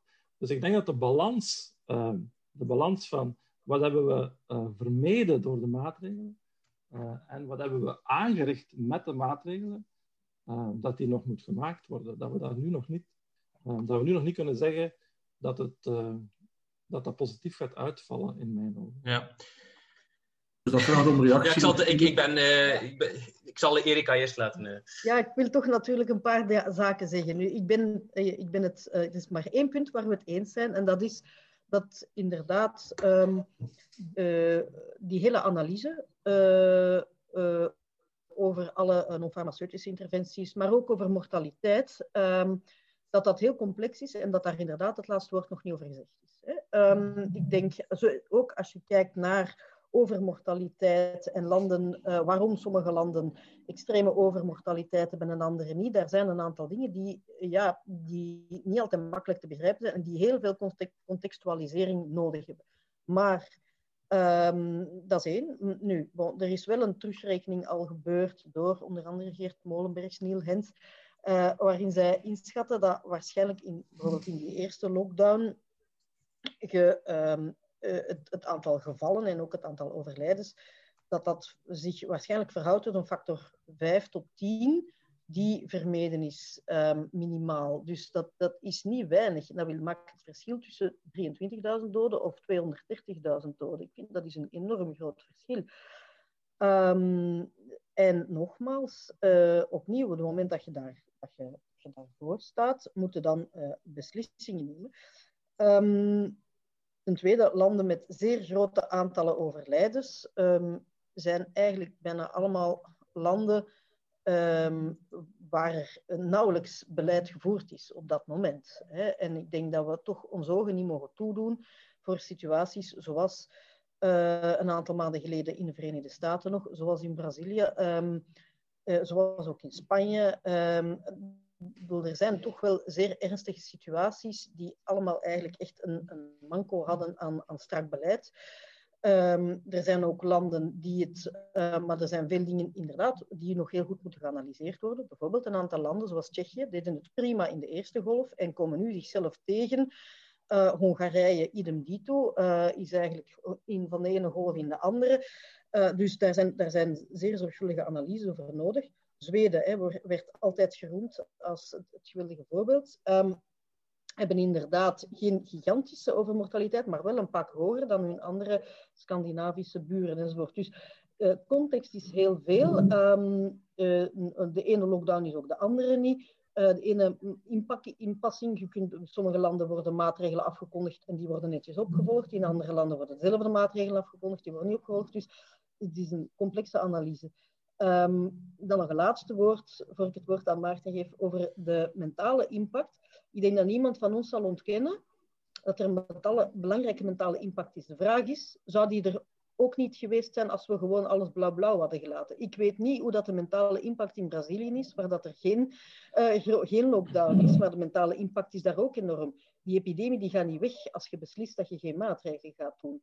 Um, dat gezegd zijn, dat, dat neemt niet weg dat er... Um, een absolute noodzaak is om, een, om, om echt een, een mentaal health masterplan te hebben en snel uit te voeren. Um, die cijfers van Cienzano, daar zijn problemen mee. Men heeft die ook zelfs gecorrigeerd. Uh, die hebben, dat is een overstatement. Um, er, zijn ook, um, er is ook dat, het gegeven van de mentale gezondheid wordt ook heel sterk politiek geïnstrumentaliseerd om te zeggen, kijk eens, we overdrijven. Ik wil daarvoor waarschuwen. Waarom? Uh, ik zal de eerste zijn om, om zeer bezorgd te zijn over mentale gezondheid, want mentale gezondheid is ook gezondheid. Dus daarover gaat het niet. Maar het is zo, eh, bijvoorbeeld, er zijn, er zijn mensen, die politici, die beweerd hebben, ja, de, het aantal zelfmoorden is, is verdubbeld. Dat is niet waar.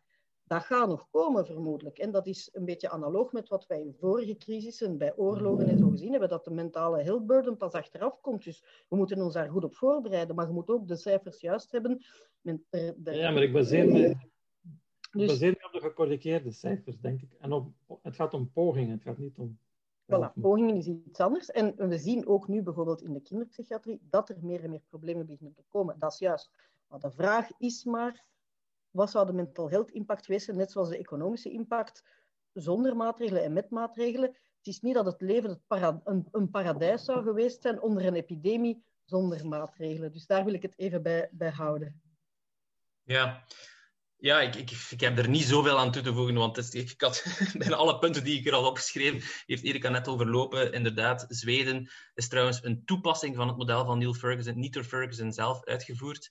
Uh, blijft uiteraard feilbaar, maar als je dan gaat kijken naar de praktijk, Zweden is een prachtige testcase, omdat Zweden uiteraard niet zomaar uh, het virus zijn beloop heeft, laten gaan. Ze hebben wel van alles uh, gedaan, ze hebben allerlei restricties ingevoerd, alleen hebben ze niet naar een lockdown gegrepen, als je dan Zweden gaat vergelijken met de naburige Scandinavische landen, die qua eh, bevolkingsdensiteit, um, qua culturele uh, achtergrond, socio-economische status enzovoort vergelijkbaar zijn, dan zie je het is meer dan tien keer zoveel doden als in Noorwegen en dertien keer zoveel doden als in, als in Zweden.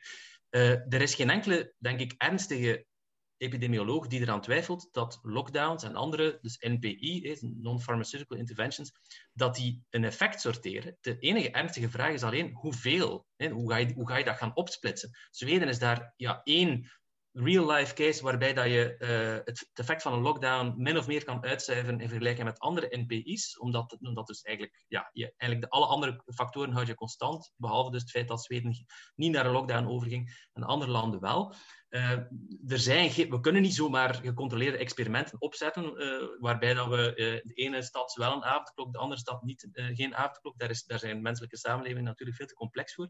Maar we hebben daar wel wiskundige modellen voor. En daar zijn ook studies die in Nature zijn gepubliceerd, onlangs nog, ranking the effectiveness of different NPI's, waar, waarbij ze dus van avondklok tot lockdown, tot scholensluiting, alle verschillende zaken die we kunnen doen, proberen ze het effect uh, te meten op de R-waarde. Dus telkens zoveel procent uh, die van de, uh, van, de R-waarde wordt verminderd. En dat vertaalt zich inderdaad, zoals dat Erika zegt, in een, het vermijden van een tegenfeitelijk scenario waarbij dat er heel veel meer doden gevallen zijn. Dus je hoeft zelfs niet eens... Het is ook een vorm van kersenpluk om maar te blijven verwijzen naar die ene toepassing van de studie van Ferguson Um, ik ken de auteurs niet, maar het is die, onder andere die Belgische onderzoekster in Zweden, Erika kan mij misschien helpen, um, die, die eraan heeft ah, meegewerkt. Uh, Nele. Um... Ja, Nele, inderdaad. Ja. Ik ben, ben haar, ben haar uh, familienaam kwijt.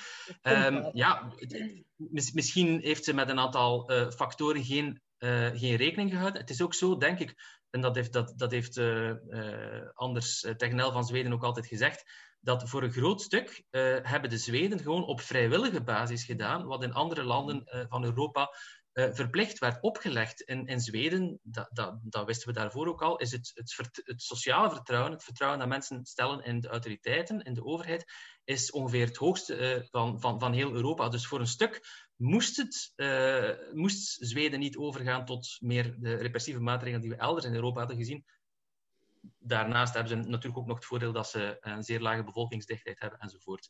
Um, maar, maar het, belangrijkste punt, Bert, en ik, ik, snap niet dat je dat punt blijft maken, maar ik, heb het daar uh, vorige keer op Twitter nog over gehad ook, uh, dat je blijft de nevenschade die we vandaag waarnemen, of het nu gaat over zelfdoding, of nu gaat over economische nevenschade, uh, psychologische problemen die mensen hebben, die uiteraard allemaal zeer reëel zijn en die we moeten onderkennen. Je gaat ervan uit dat we die niet zouden gehad hebben in een tegenfeitelijk scenario waarbij we, waarbij we niet hadden ingegrepen. Terwijl, denk, if anything, zou de nevenschade nog groter geweest zijn. Dat zie je nu ook in Brazilië. Ik denk, uh, als er één plaats is ter wereld waar je zeker niet wil zijn op dit moment, dan is het wel Brazilië, waar ze ja, omwille van gewoon de hardnekkigheid van hun president geen lockdowns willen, waar, waar, waarbij ze geen uh, maatregelen in het algemeen willen invoeren, waarbij ze zelfs uh, vaccins wantrouwen en daardoor een heel lage vaccinatiegraad hebben.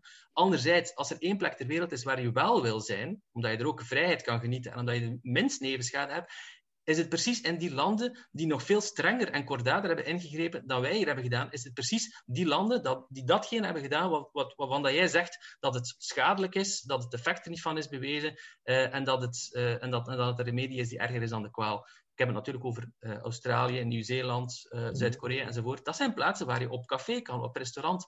Um, dus ik, ik, ik denk zelfs dat het hele idee van een, een, een van economische nevenschade of nevenschade in het algemeen en uh, gezondheidsschade aan, uh, aan de andere kant. Het idee van dat dat communicerende vaten zijn, berust in het de, de al op een misverstand. Ik denk net dat uh, dat als je snel en kordaat ingrijpt, dat je zowel de uh, gezondheidsschade en economische nevenschade beperkt. En als je dat niet doet, in het meest extreme geval, als je het virus gewoon zijn beloop laat, zoals onder Trump is gebeurd en zoals onder Bolsonaro is gebeurd, heb je niet alleen een gezondheidscatastrofe, maar heb je ook nog eens al die nevenschade die je dacht te vermijden. Dus goed, dat wat betreft. Uh, dus ik, ik snap niet dat je die, dat, dat tegenfeitelijke punt, uh, ook wat die levensjaren betreft, je maakt er precies dezelfde denkfout. Je gaat alleen maar kijken naar de levensjaren die verloren zijn in de actuele situatie, terwijl je natuurlijk, als je de effect van de maatregelen beoordeelt, moet je gaan kijken naar de levensjaren die zouden verloren zijn en die we niet hadden ingegrepen. En dan is het inderdaad factor uh, maal 5, maal 10. Ja. Wat dan nog geen rekening houdt met alle uh, langdurige zieken. Die moet je dan ook nog eens bijrekenen. Dus het gaat om die... Uh, uh, die, levensjaren die we gewonnen hebben door de maatregelen te nemen, in plaats van de levensjaren die we verloren hebben, ondanks de maatregelen die we genomen hebben. Ja, maar daar is dus, als, als ik mag, Jan, daar is dus nog altijd in mijn ogen geen empirisch hard bewijs voor. Jij, jij, komt, jij zegt dat de preventieparadox. er, zijn, er zijn doden vermeden daar is het nog altijd wachten op hard bewijs. Er zijn nog, ik kan, jullie halen studies aan waarin, uh, uh, waarin zogezegd bewezen is dat die doden vermeden zijn. En, uh, en je verwijt mensen die daartegen ingaan kersenpluk. Maar er is net zo goed kersenpluk natuurlijk. Er is een review in de, in de British Medical Journal geweest van een aantal studies. Ze zijn begonnen met 100 studies. ik, zal, ik zal de referentie, als het nodig vindt, uh, eens uh, opsnorren. Ik heb ze daar eens op mijn laptop staan. Een review van studies waarin ze uh, gekeken hebben naar alle onderzoeken, alle gepubliceerde papers, die uitspraken doen over niet-farmaceutische inter interventies en die gecontroleerd hebben op hun methodologische robuustheid. Ze zijn begonnen met 100 papers. Ze hebben er drie reviewers opgezet. Ze hebben een strenge selectie gemaakt, uiteindelijk tot 36 papers gekomen. En één paper is eruit gekomen die aan alle criteria die ze voorop hadden gesteld uh, voldoen. Dus alle andere papers blijken methodologisch op drijfstand gebouwd te zijn. Mhm. En dat gaat dan over heel basic dingen. De idee van de, de counterfactual die je, die je voorop stelt, is die robuust? Hè? Kunnen we het daarover eens zijn dat die counterfactual oké okay is? Is er gecontroleerd voor dingen zoals klimaat? En is er gecontroleerd voor dingen zoals uh, mensen die zelf hun gedrag aanpassen, zoals in Zweden bijvoorbeeld. Er kwam één paper uit die aan alle criteria voldoet. En dat is dan nog geen paper die zegt dat, dat de maatregelen gewerkt hebben. Hè. Dat is een paper die dan zegt, oké, okay, deze, de, dit onderzoek kan überhaupt uitspraken. Sta mij, sta mij toe om toch even hier dat, het, het debat daarvan af te leiden, want dat wordt uh, te ingewikkeld als we spreken over meta, uh, onderzoeken over methodologieën waar, waar niemand hier precies weet waarover het gaat. Ik zou toch nog um, ook over die nevenschade um, daar nog iets verder over willen, omdat jullie daarop ingaan. En ook terugkomen op een aantal dingen die, die hij die heeft um, aangebracht. Want misschien kunnen we wel zeggen, uh, heeft de maatschappij, of heeft onze, de manier waarop we onze maatschappij organiseren, ons een aantal signalen, of tenminste um, zaken waar we lessen uit, uit kunnen trekken. En dat is misschien ook iets waar we meer overeenstemming uh, in kunnen bereiken. Bijvoorbeeld, um, ik denk dat die nevenschade vooral uh, duidelijk maakt welke tegenstellingen er al in de maatschappij aanwezig zijn. Het is vooral voor arme gezinnen nog moeilijker geworden. Hè. Het, is, het is vooral voor mensen zonder tuin. Uh, dus de, de maatschappelijke tegenstellingen bij de effecten van de pandemie zijn natuurlijk wel duidelijk. Die hebben iets te maken met, met een organisatie of een, een sociale ongelijkheid zoals die, die er al was. Hè. En ik, dat zal misschien minder het geval zijn met, met zelfdodingspogingen of, of geestelijke gezondheid, maar dat zal waarschijnlijk ook toch een correlatie, kun je veronderstellen, met armoede, met werkloosheid, met uitzichtloosheid. Die, die, die mensen die het beter hebben, misschien daar minder last uh, van zullen hebben. Dus wat zouden volgens jullie de lessen zijn die we misschien op maatschappelijk vlak um, hieruit moeten trekken? Uh, de financiering van de, de gezondheidszorg, um, de mondiale tegenstellingen, uh, die macht van, de, de, van, van, die, van die grote bedrijven. Uh, over het patentrecht heb ik nog niemand gehoord. Het is toch eigenlijk vreemd dat dit niet gewoon door iedereen kan geproduceerd worden nu, die vaccins. Waarom moet daar nog altijd geld aan verdiend worden? Dus kunnen we het even over, over, over die zaken hebben. Ik zou bijvoorbeeld geïnteresseerd zijn wat, wat Erika als arts ervan vindt van um, hoe de gezondheidszorg georganiseerd is in ons ja. land en wat we nu eigenlijk moeten doen. Uh, moet je de, de, het verpleegkundig personeel een hoger loon... Al dat soort zaken lijkt mij ook relevant hier. Ja, dankjewel. En, en um, ja, daar, daar is uiteraard... Zo'n epidemie is natuurlijk een, een, een reuze uh, reality check. Um, uh, en natuurlijk als infectioloog zijt je, en enfin, niet alleen als infectioloog, algemeen ervaren wij natuurlijk dat zo'n epidemie op scherp alles wat dat op voorhand niet goed marcheerde. dat is zoals als je een, een, een crisis in je gezin hebt, um, als je relatie tevoren al niet goed was, dan zal het er ook niet op verbeteren enzovoort.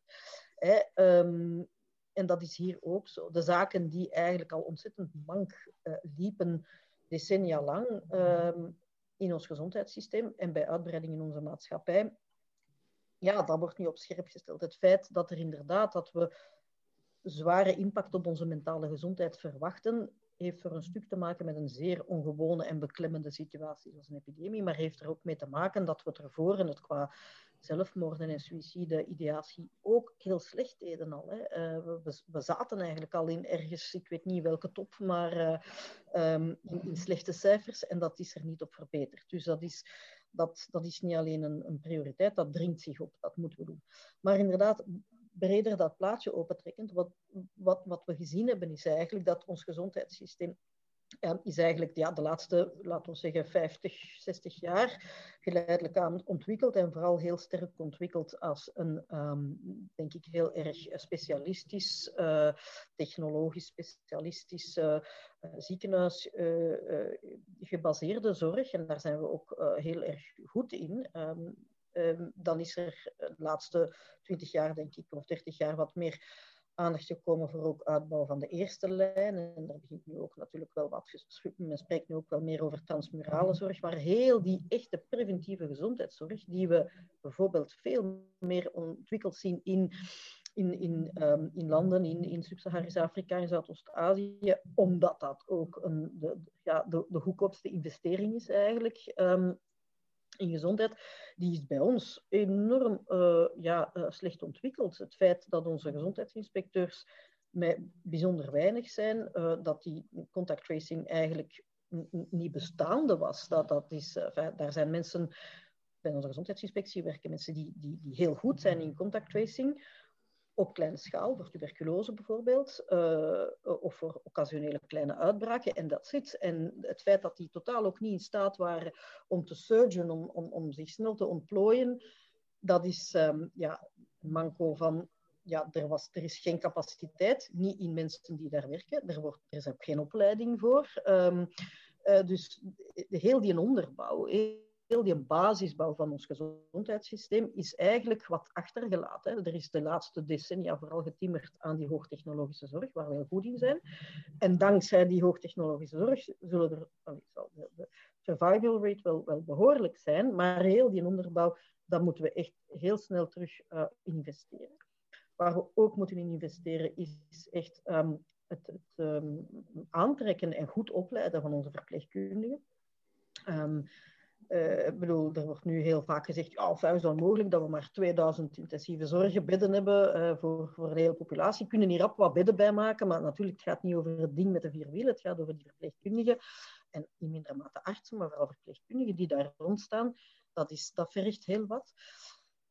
Um, en dan, ja, uh, de geestelijke gezondheidszorg, ik zei het daar straks al, dat, dat, daar zijn al schaamtelijk lange wachtlijsten en dat is niet, dat al van voor COVID, maar dat wordt nu nog extra op scherp gesteld, kinderpsychiatrie. Um, had het al enorm moeilijk, dus daar, daar, ja, daar liggen de werven, denk ik, voor, voor minister Van den Broeke. Um, enfin, die mens heeft veel werven, denk ik. Nog een klein stukje over dat patentrecht, want dat is, dat is, dat is, ja, dat is ingewikkeld. Dat is, dat is altijd een heel moeilijk evenwicht tussen ja, ervoor zorgen dat natuurlijk uh, er voldoende incentive blijft voor bedrijven om research en development te doen. Um, anderzijds Um, we hebben dat probleem ook wel, um, een vergelijkbaar probleem met antibiotica. Al, al, is het daar nog wat anders, omdat antibiotica, we hebben, dat, we hebben dat nodig. We zitten daar ook aan het einde van onze pijplijn. We hebben daar innovatie nodig.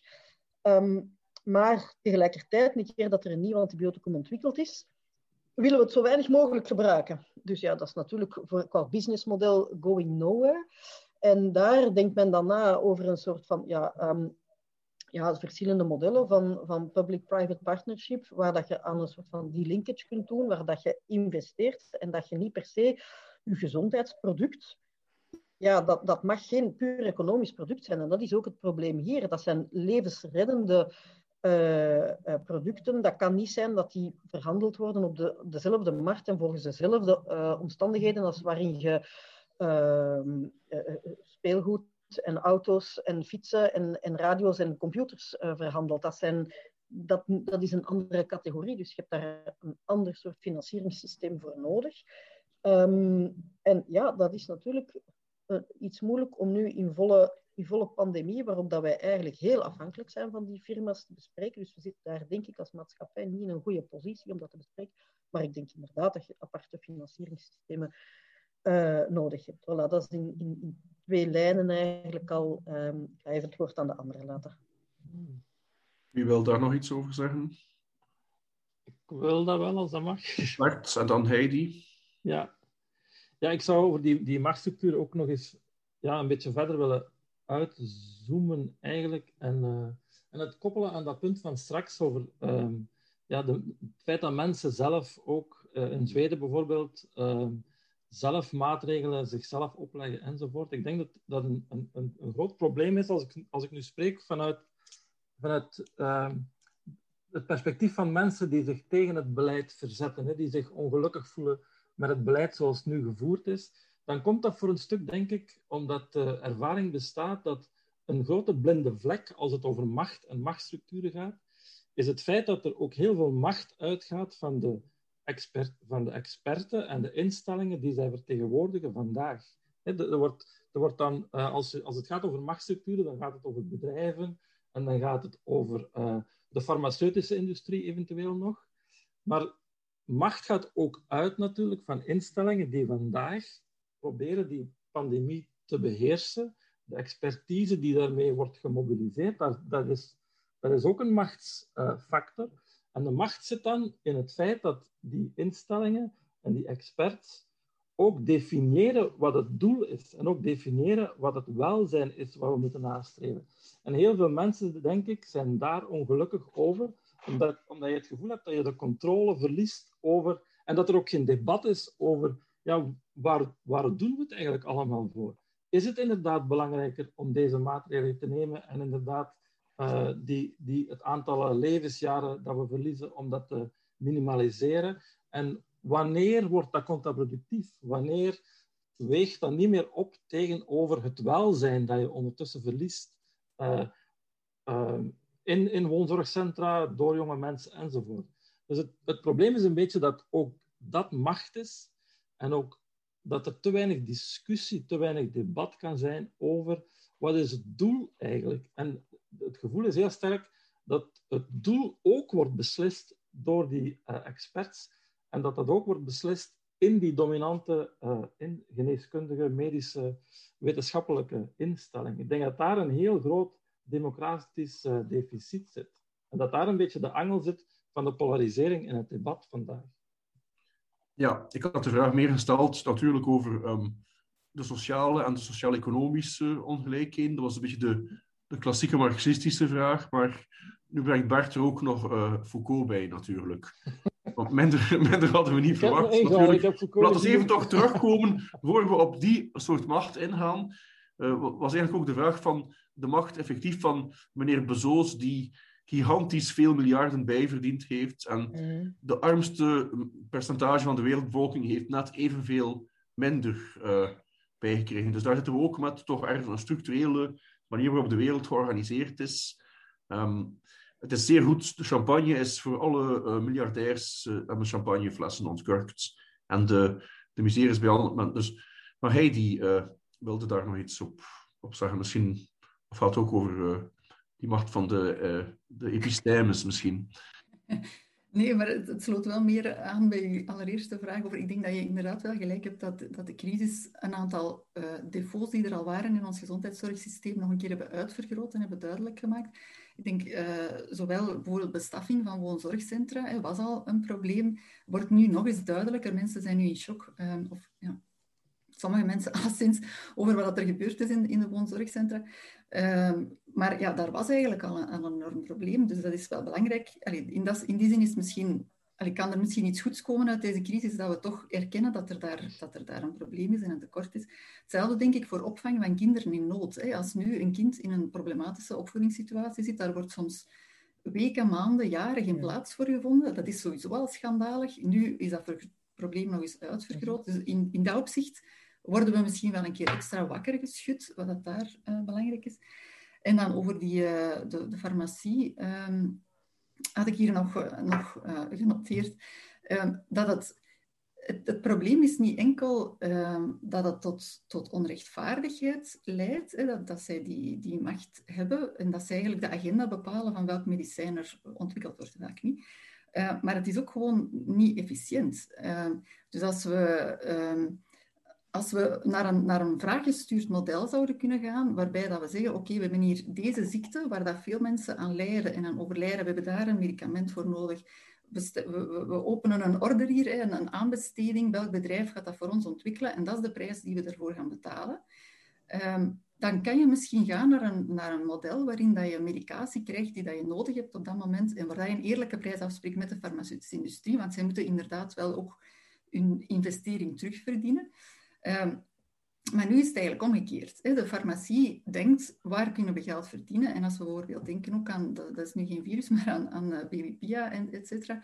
Ja, zij kiezen eigenlijk wel de sectoren waar dat zij kunnen geld uh, van mee verdienen. En de, farmacie is een van de meest winstgevende sectoren, als het niet de meest winstgevende sector is, als ik me niet vergis, uh, van alle sectoren. En dat kan natuurlijk eigenlijk wel niet zijn. Hè. In principe moet het doel wel zijn het algemeen belang. En secundair kan daar misschien een beetje winst gemaakt worden, maar het kan niet de bedoeling zijn dat winst het primaire doel is. En als daar en passant ook mensenlevens mee gered worden, dat dat dan uh, mooi meegenomen is. Uh, en misschien nog kort uh, op iets wat, wat Bert zei over die macht van, van de experten. Macht is een probleem als macht misbruikt wordt natuurlijk. Hè. Dus als er, ook bij overheden, hè, in principe, wij geven onze macht af aan politici, omdat we ervan uitgaan dat zij dan voor ons gaan zorgen. En we geven macht aan wetenschappers, of wetenschappers hebben macht door hun kennis, maar we gaan er denk ik toch wel vanuit dat wetenschappers die kennis inzetten, toch degenen die, die geraadpleegd worden, die geselecteerd worden, in het algemeen belang. En zolang dat dat het geval is, lijkt me dat op zich geen probleem te zijn. Um, ja. Het is trouwens ook zo dat, uh, mocht het inderdaad zo zijn dat er een... Uh, uh, een trade-off is, een afweging tussen bijvoorbeeld economie en gezondheid, en dat het ene ten koste gaat van het andere, dan zou je inderdaad een machtsstrijd krijgen tussen bijvoorbeeld virologen en economen. Maar ik denk, uh, als je de, de gemiddelde econoom in België vraagt, iemand als Matthias de Watripon uh, of, of Geert Noels, of denk, denk dat dat ongeveer een consensus is onder economen, um, uh, dat, dat, dat die trade-off precies een illusie is. Dat om de economie te doen heropveren, dat je eerst het virus moet kunnen klein krijgen. Dat is wat we ook hebben gezien tijdens de Spaanse griep. Nou, en dat weten we wel. Hè. Daar zijn, dat is ondertussen al een eeuw geleden. Hebben we tijd genoeg gehad om dat te onderzoeken.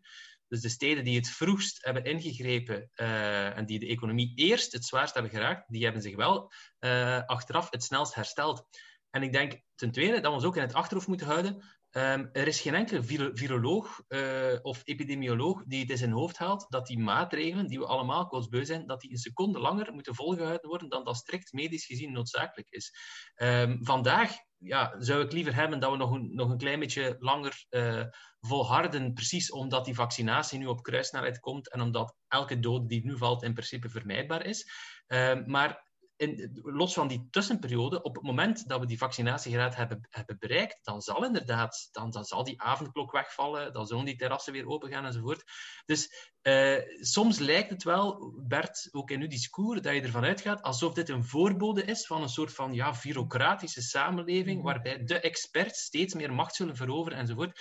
Dit is gewoon een noodtoestand. En van zodra die noodtoestand mhm. voorbij is en dat dat virus onder de knoet is, ik zou dan als retorische vraag stellen, geloof je nu echt dat als we een vaccinatiegraad van 80, 90 procent hebben bereikt, alles loopt goed, en ik ben daar optimistisch in, zelfs voor de nieuwe varianten, denk ik, uh, zal het virus veel minder gevaarlijk zijn, zelfs als er toch een vorm van immune escape is enzovoort.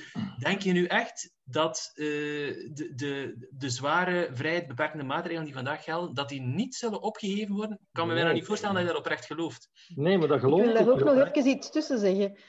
Uh, ik voel me wel aangesproken natuurlijk als voorzitter van de GEMS. Hè. Uh, en, en, ik weet dat, dat ons heel veel macht en invloed wordt toegeschreven. En uh, ja, wij, wij zijn een officieel adviesorgaan. Wij hebben het oor van, van, van onze politici. Dat is zo, van sommigen meer dan van anderen. Um, nu, om te beginnen, GEMS is, een, is echt wel een multidisciplinair orgaan. Wij hebben, ja, daar zitten virologen, infectiologen, epidemiologen, biostatistici in. Daar zitten ook een aantal ambtenaren in. Daar zitten ook uh, epidemiologen in, uh, pardon, uh, economen, gezondheidseconomen, um, psychologen, um, dus ja, echt wel uh, van alles wat. Want er wordt ons vaak verweten, ja, jullie denken alleen maar aan het virus. Hè, vooral vanuit de Franstalige hoek. Van, ja, en, en je moet meer holistisch zijn. Nu, dat zijn. En er zijn ook vaak verschillende andere belangengroepen. Bijvoorbeeld de pediatrische taskforce of de werkgroep psychologie in corona. Die, die feeden in allee, dus ons debat mee, mee, mee voeden.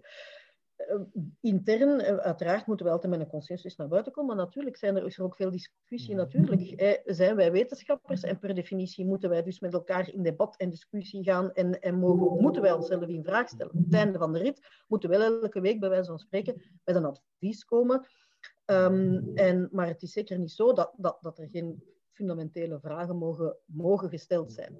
Puntje over de uh, publiek debat. Uh, enfin, in, in dat, die gedachtegang wil ik nog afmaken, maar wij zijn natuurlijk niet de enige die dat beleid daar bepaalt. Het is ook niet zo dat wij daar op het OCC zitten en zeggen zo en zo en zo. Integendeel, alleen was het maar waar soms, integendeel.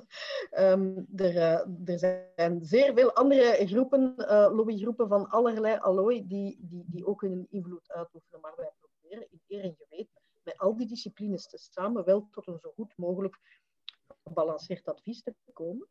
Wat niet wegneemt, en dat uh, denk ik, moeten we wel naar evolueren. Um, ik mis persoonlijk ook een goed, maar dan ook een goed en goed uh, gestructureerd publiek debat. En dat is niet zo makkelijk. Um, ik had in de week een, een call met allerlei uh, academies van over de hele wereld. En ja, andere landen struggelen daar ook mee om effectief met het bredere publiek op een goede en goed onderbouwde manier in debat te gaan. Wij proberen dat wel te doen, ook in media en, of in eh, initiatieven zoals dit. Ik vind dat ook belangrijk om, want het is alleen maar op die manier dat, u, dat uw gedachtegang breder kan worden, op voorwaarde dat de argumentatie die, die gebruikt wordt ook correct en, en, en goed en zo is. Ja. Maar, hè, um, voilà. Jan, ik zie dat je wilt tussen. Ik zie dat, uh, eigenlijk ben ik al vijf minuten over tijd. Um, om ook inderdaad, zoals u zegt, uh, Erika, het publiek debat, zijn er ook mensen die vragen aan het stellen zijn. En Bart, ik weet dat je nog wil reageren, maar dat zal nog na de pauze gelegenheid toe zijn, want we gaan nu weer aanwezig zijn. Ik zal dus gewoon de vragen in de chat uh, voorlezen en dan moet er maar iemand op antwoorden die, die zich daartoe geroepen voelt.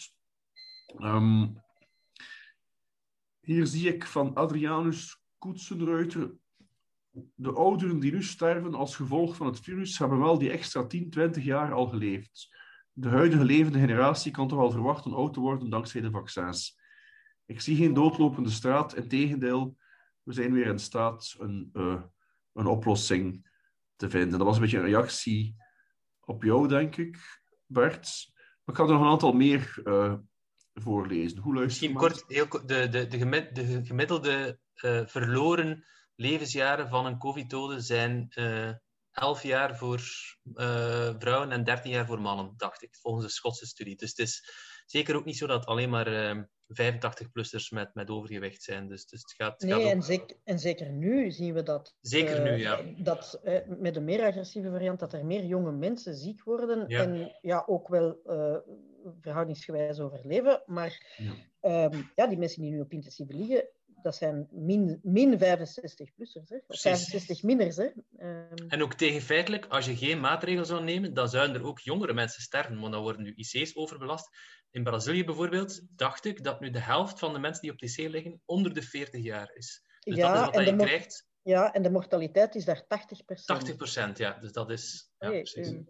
Maar voor een goed begrip, dat zijn, dat zijn dingen die ik niet, niet betwist. Hè. Ik, ik betwist alleen het feit um, dat er um, geen machtsfactoren betrokken zouden zijn in de instellingen die... Het punt is, want je, je zei er net, Maarten, um, geloof je nu echt dat die... Ik geloof uiteraard dat de maatregelen terug zullen verdwijnen zodra dat kan. Maar als je daar historisch naar kijkt, wat er historisch is gebeurd, is dat er wel meer, steeds meer macht geconcentreerd zit in medische instellingen en in medische expertise. En die verklaart waarom de reactie vandaag anders is dan de reactie eind jaren 60 of eind jaren 50. Toen waren er ook gigantische pandemieën.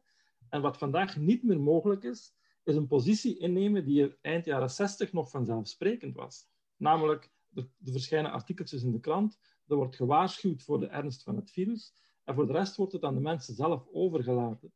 Ja, maar de mentaliteit van de mensen was ook anders. De, de, de verwachting van mensen over leven en dood was ook helemaal anders.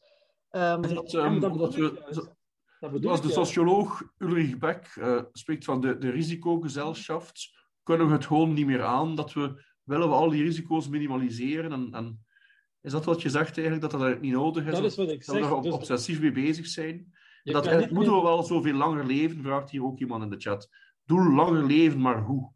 En dat is heel, heel, maar stel het dan concreet, Bert. Zeg dan, geef, dan, geef dan criteria van wie er niet langer zal toegelaten worden op een IC. Zeg dan wat uw schiftingscriteria zijn. Want daar komt het op neer. Hè. Dus nu liggen de IC's vol. Als je nu nog een klein beetje de teugels laat vieren, dan zullen er mensen bijkomen die niet meer zullen geholpen worden. En dan is het aan jullie, aan de mensen die dat voorstellen, om te gaan schiften. Van kijk, jullie hebben lang genoeg geleefd. Aan jullie gaan we niet meer redden dat is, een, dat, is een, dat is het op flessen trekken. Ten eerste is het nee, maar dat gebeurt in Brazilië, Bert. De, iedereen, als je 70 jaar is in Brazilië, komt je er zelfs niet meer aan de pas. Ze hebben zelfs geen zuurstof meer. Je kunt niet meer gered worden. Het is op dit ogenblik niet gezegd dat als de overheid niet zou ingrijpen zoals ze nu doet, dat het dan veel erger zou zijn. Want er zijn mensen, zelfs de mensen die tegen het beleid zijn, zelfs de mensen die zeggen dat ze zich niet aan de regels houden omdat ze tegen het beleid zijn, zelfs van die mensen, twee derde geeft aan van heel voorzichtig te zijn. Dus het is niet gezegd dat als het beleid minder top-down ingrijpt, dat het dan veel erger zou zijn. Ik denk dat er hier een probleem is van skin in the game, Bert. Ik denk, mocht jij een politicus zijn die in een verantwoordelijke machtspositie zit, die echt skin in the game heeft, die verantwoordelijkheid draagt dat er iets fout loopt, dan zou je dat niet zeggen. Het is gemakkelijk van op de zijlijn te zeggen, die avondklok, dat is allemaal onzin, uh, de horeca, dat kan allemaal veilig zijn... geopend worden, de mensen gaan wel verantwoordelijk zijn, maar jij hebt geen verantwoordelijkheid. Als, dus als jij macht, Foucauldiaanse macht zou hebben, dan denk ik dat je anders zou krijgen. We zijn er op de, de dag van de filosofie, toch? Hè? Dus we mogen ja, dat is dat. Ja. We hier allemaal een beetje vrijblijvender zeggen. En, en, zelfs, ik zie dat Erik ook iets wil zeggen. Uh... Ja, ik wil, ik wil toch nog een kleine anekdote toevoegen. En ja, en, ja um, ik vind persoonlijk dat, dat, dat je nogal erg makkelijk over dat hele ethische debat, over uh, hoe ver gaan we nog. Eh, laat me eerst zeggen, ik, ik ben wel gevoelig voor dat, die hele argumentatie van de, de technologie voor de technologie. En moeten we dit allemaal nog wel doen? Doet mij persoonlijk een beetje denken aan de winst voor de winst, hè, economie. En, en, en eigenlijk zo'n zo economie die alleen nog maar wil groeien, dat je denkt, waar moet dit naartoe? Ik hmm. denk, natuurlijk mocht je daar, moeten we daarover over nadenken. Maar nogmaals, er is een verschil tussen daar hier rustig op een zaterdagnamiddag over nadenken en van gedachten en, en beslissen wat ga je doen als er drie ambulances voor je deur staan en je moet beslissen wie van die drie dat je eerst gaat binnenlaten. Want zo erg is het. Um, en, en, en, eh, daarvoor, hè, we zitten nu met 930, of ik weet het niet meer van buiten vandaag het cijfer, mensen op intensieve zorg. Wij doen uh, allee, alle hens aan dek dat, om dat cijfer niet erger te laten stijgen. Maar als men, uh, en ik zeg u dat in alle eerlijkheid, dat is mijn kopzorg, als over twee weken men beslist om daar van alles te openen en mensen krijgen daardoor het gevoel van het is gedaan, het is in orde enzovoort, en we krijgen echt een nieuwe search en een nieuwe golf, dan weet ik niet waar we al die patiënten gaan leggen. En dan is echt de vraag op basis van wat gaan we dan selecteren? Um, toen in de eerste golf hebben wij eigenlijk uh, samen met de intensivisten en de geriaters mensen in de woonzorgcentra, artsen in de woonzorgcentra aangeraden, kijk, hè, selecteer op basis van frailty. Want die mensen die zo frail zijn, die, die, die, geen kans maken, uh, doet hij dat ook niet aan om helemaal naar het ziekenhuis te komen. Laat die met goede zorg in een woonzorgcentrum enzovoort. Hè. Um, waar, waar, helemaal niks mis mee is. Want inderdaad, allee, wat ook is wat vaak mensen zelf willen die in een woonzorgcentrum wonen. Alleen al dat, en dan heb ik het nog niet over het selecteren van patiënten, alleen al dat heeft mij de term nazistische praktijken opgeleverd ja, ja. in het Waals parlement. Nee. Ik wil maar dat zeggen is... hoe gevoelig dat dat debat ligt. Hè. En, en, ja, dat weet um, Sorry, sorry. Ik ga, en daar is een... ik ga toch eventjes treden. Bart, sorry, maar er zijn, er zijn nog wel mensen die vragen stellen. We hebben nog twaalf minuten. En het is ook zo niet leuk voor de mensen als dan niks meer daarvan aan bod komt. Dus laat mij nog wat, wat dingen voorlezen van, van, van uit het publiek. Um, iemand vraagt, op welke manier maakt de vraag van het debat eigenlijk uit of het wel of geen signaal is van de natuur? Het gaat er voor ons als mens toch om welke betekenis we eraan geven. Dat is wat meer um, om over na te denken. En dan een andere vraag is, wanneer gezegd wordt dat de bewering dat de natuur ons een signaal heeft, metafysisch of religieus is, wordt er vermoedelijk van uit te halen dat een signaal geven een intentionele morele component heeft. Wat als signaal eerder als een van deze eigenschappen ontdane aanwijzing wordt gezien in de misschien triviale zin van naar elkaar verwijzende empirische informatie-interpretatiestheorieën. De vraag geeft de natuur ons een signaal, verandert dan van geeft onze natuur ons een morele boodschap naar? Zijn er empirische vaststellingen die bepaalde interpretatiestheorieën ondersteunen? en waar eventueel ethische kanttekeningen bij kunnen geplaatst worden. Ik denk dat eigenlijk dat we daar op uh, uh, dat we daar al mee bezig geweest zijn. Voor de meneer die de vraag gesteld heeft, dat het eigenlijk op die manier is opgevat al geweest, inderdaad. En dan vraagt nog iemand, volgens Maarten Boudry heeft de natuur geen signalen. Is de klimaatopwarming dan geen verschuiving van evenwichten en een signaal die de natuur ons geeft om het anders aan te pakken? Maar, Wel, het is inderdaad een, het is een verstoring van een, van een evenwicht, van een lokaal evenwicht. Uh, uh, in het Holoceen uh, is, dat, is dat dus ja, een bepaalde evenwicht dat is ontstaan in de mondiale temperatuur, het CO2-gehalte enzovoort. Uh, maar er zijn periodes geweest in de geschiedenis van de planeet, lang voor de mens er was, dat er nog veel meer CO2 in de lucht zat dan nu, 2000 uh, deeltjes per miljoen. Dat het veel kouder was, veel warmer, dat de zeespiegel 200, 20 meter lager lag of, of, of 50 meter hoger. Dus en de natuur, ja, had toen helemaal niemand om signalen naar uit te zenden. Dus ik denk, het, het, we, kunnen zeker, we, we, kunnen zeker vaststellen dat er een evenwicht is verstoord. En gewoon vanuit puur pragmatische overweging zeggen van kijk, wij zijn nu eenmaal aangepast aan dat evenwicht. Want wij hebben al die steden zo dicht bij de oceaan gebouwd. Uh, en als die zeespiegel nu begint te stijgen, ja, het is niet dat de planeet dan onleefbaar wordt, maar dan gaan wij in de problemen raken. En hetzelfde geldt voor veel diersoorten, want uh, uh, het, het, probleem met, met de huidige verstoring van het evenwicht is vooral dat het veel sneller gaat dan bijvoorbeeld die, die vorige verstoringen. Dus die vorige verstoring, zeg het, uh, wanneer geologen over een oogwenk spreken, dan is dat vaak een miljoen jaar of tien miljoen jaar. Maar de, de snelheid van de opwarming gaat nu veel harder. En ik denk dat dat dan gewoon een pragmatische afweging is. Dat we zeggen, kijk, zowel voor onze menselijke beschaving als voor, voor veel diersoorten uh, die nu leven, is dat gewoon te snel om je aan aan te passen. Dieren kunnen ook maar, ja, dus het, het, uh, het leefgebied van dieren schuift dan eigenlijk op, weg van de evenaar vaak, of een berg op voor, voor, voor dieren die dus op hoogvlaktes leven bijvoorbeeld. En als, dat, als die snelheid van klimaatopwarming hun aanpassingsvermogen overschrijdt, dan zit je met een probleem. Dus je hoeft daar helemaal niet uh, aan te nemen dat de, dat de natuur een, een, signaal uitzendt. Je interpreteert gewoon wat er gebeurt. En wat er gebeurt is, is, is iets gewoon puur fysisch dat geen enkele betekenis heeft. Als de mensen ja. niet zou geweest zijn, ja, zou er af en toe ook nog wel eens een klimaatopwarming geweest zijn en dat zou geen enkele betekenis gehad hebben. Ik denk dat het wel voor iedereen duidelijk is, maar het is nu een andere... Uh... Oké, okay, dan is er nog iets anders. Um, Tim, uh, onze IT-man, heeft intussen opgezocht dat die cijfers over die zelfdodingspogingen van Cienzano dat dat verkeerdelijk 7% was en dat die gecorrigeerd zijn tot 0,6%. Ja. En, en dan had hij die stijging. Dus ehm, eh, Ja, ja maar dat, is, dat zijn de Ja. cijfers die ik daarnet ge- gebruikt heb. Hè. Dat zijn de gecorrigeerde cijfers. ja, Dat resulteert, denk ik, in... Als ik het, als ik het goed heb, maar ik heb, het, is deze, het is maar heel recent gecorrigeerd. Dus dat zou zich vertalen in... Dat zou concreet neerkomen op 100 extra zelfmoordpogingen per dag, als ik het goed begrijp. Maar ik wil er nu mijn hand niet voor in het vuur steken. Maar het zijn wel de gecorrigeerde cijfers die ik daarnet ge- gebruikt heb, denk ik. ja. Dus dat, dat is toch eh, significant, denk ik. Ja, maar ik zou dan bijvoorbeeld ook wel eens willen weten wat het in Zweden of wat het in Brazilië is. Dus ik, Ja, ik, denk, absoluut. ja. ik, denk, ik, denk, ik denk wel dat we er moeten van, van bewust zijn. En we kunnen discussiëren natuurlijk over de, het evenwicht dat we moeten zoeken eh, tussen eh, verschillende maatregelen en, en mentale gezondheid. Maar er is geen enkel scenario zonder miserie in deze. Dus Mm. dit, dit, virus is gewoon Hmm. Ja, brute pech. En er is geen enkel Nee. land dat hier helemaal ongeschonden uitkomt. Ook niet Maar wat dat wel een scenario, betreft. er, is, er moet wel een scenario mogelijk zijn waarbij het debat breder wordt gevoerd dan het nu is. Want Maar Bert, jij neemt toch deel aan het debat? Jij publiceert Mhm. opiniestukken. Jij zit hier toch ook... Er is toch Ja, debat? zoals, zoals eh, Erika Vliegen er net deed, is de contouren van het debat bepalen. Want de IC en de capaciteit van de IC en de triageprocedures van de IC, die gaan bepalen wat de contouren van het debat zijn. En ik denk dat het debat breder moet gaan dan dat en ook over de fundamentele ethische kwesties moet gaan. En inderdaad, dat brengt jou bij vragen zoals wat doen we dan als de IC overbelast wordt? Maar dat, zijn dan de, dat is dan het debat die je moet voeren. Maar nu wordt het debat niet gevoerd, want de contouren zijn wat ze zijn. De IC-bedden, het aantal IC-bedden en de Ja, protocollen. maar ja, Dat is toch ook de bottleneck van uw levensreddende activiteit. Ehm, ik begrijp, niet goed waarom dat, dat niet de contouren zouden mogen zijn als, als, eh, als uw IC op dat moment de grootste bottleneck is om eh, levensreddende zorg te verlenen aan de mensen die ziek worden door een epidemie. Dan begrijp ik niet goed.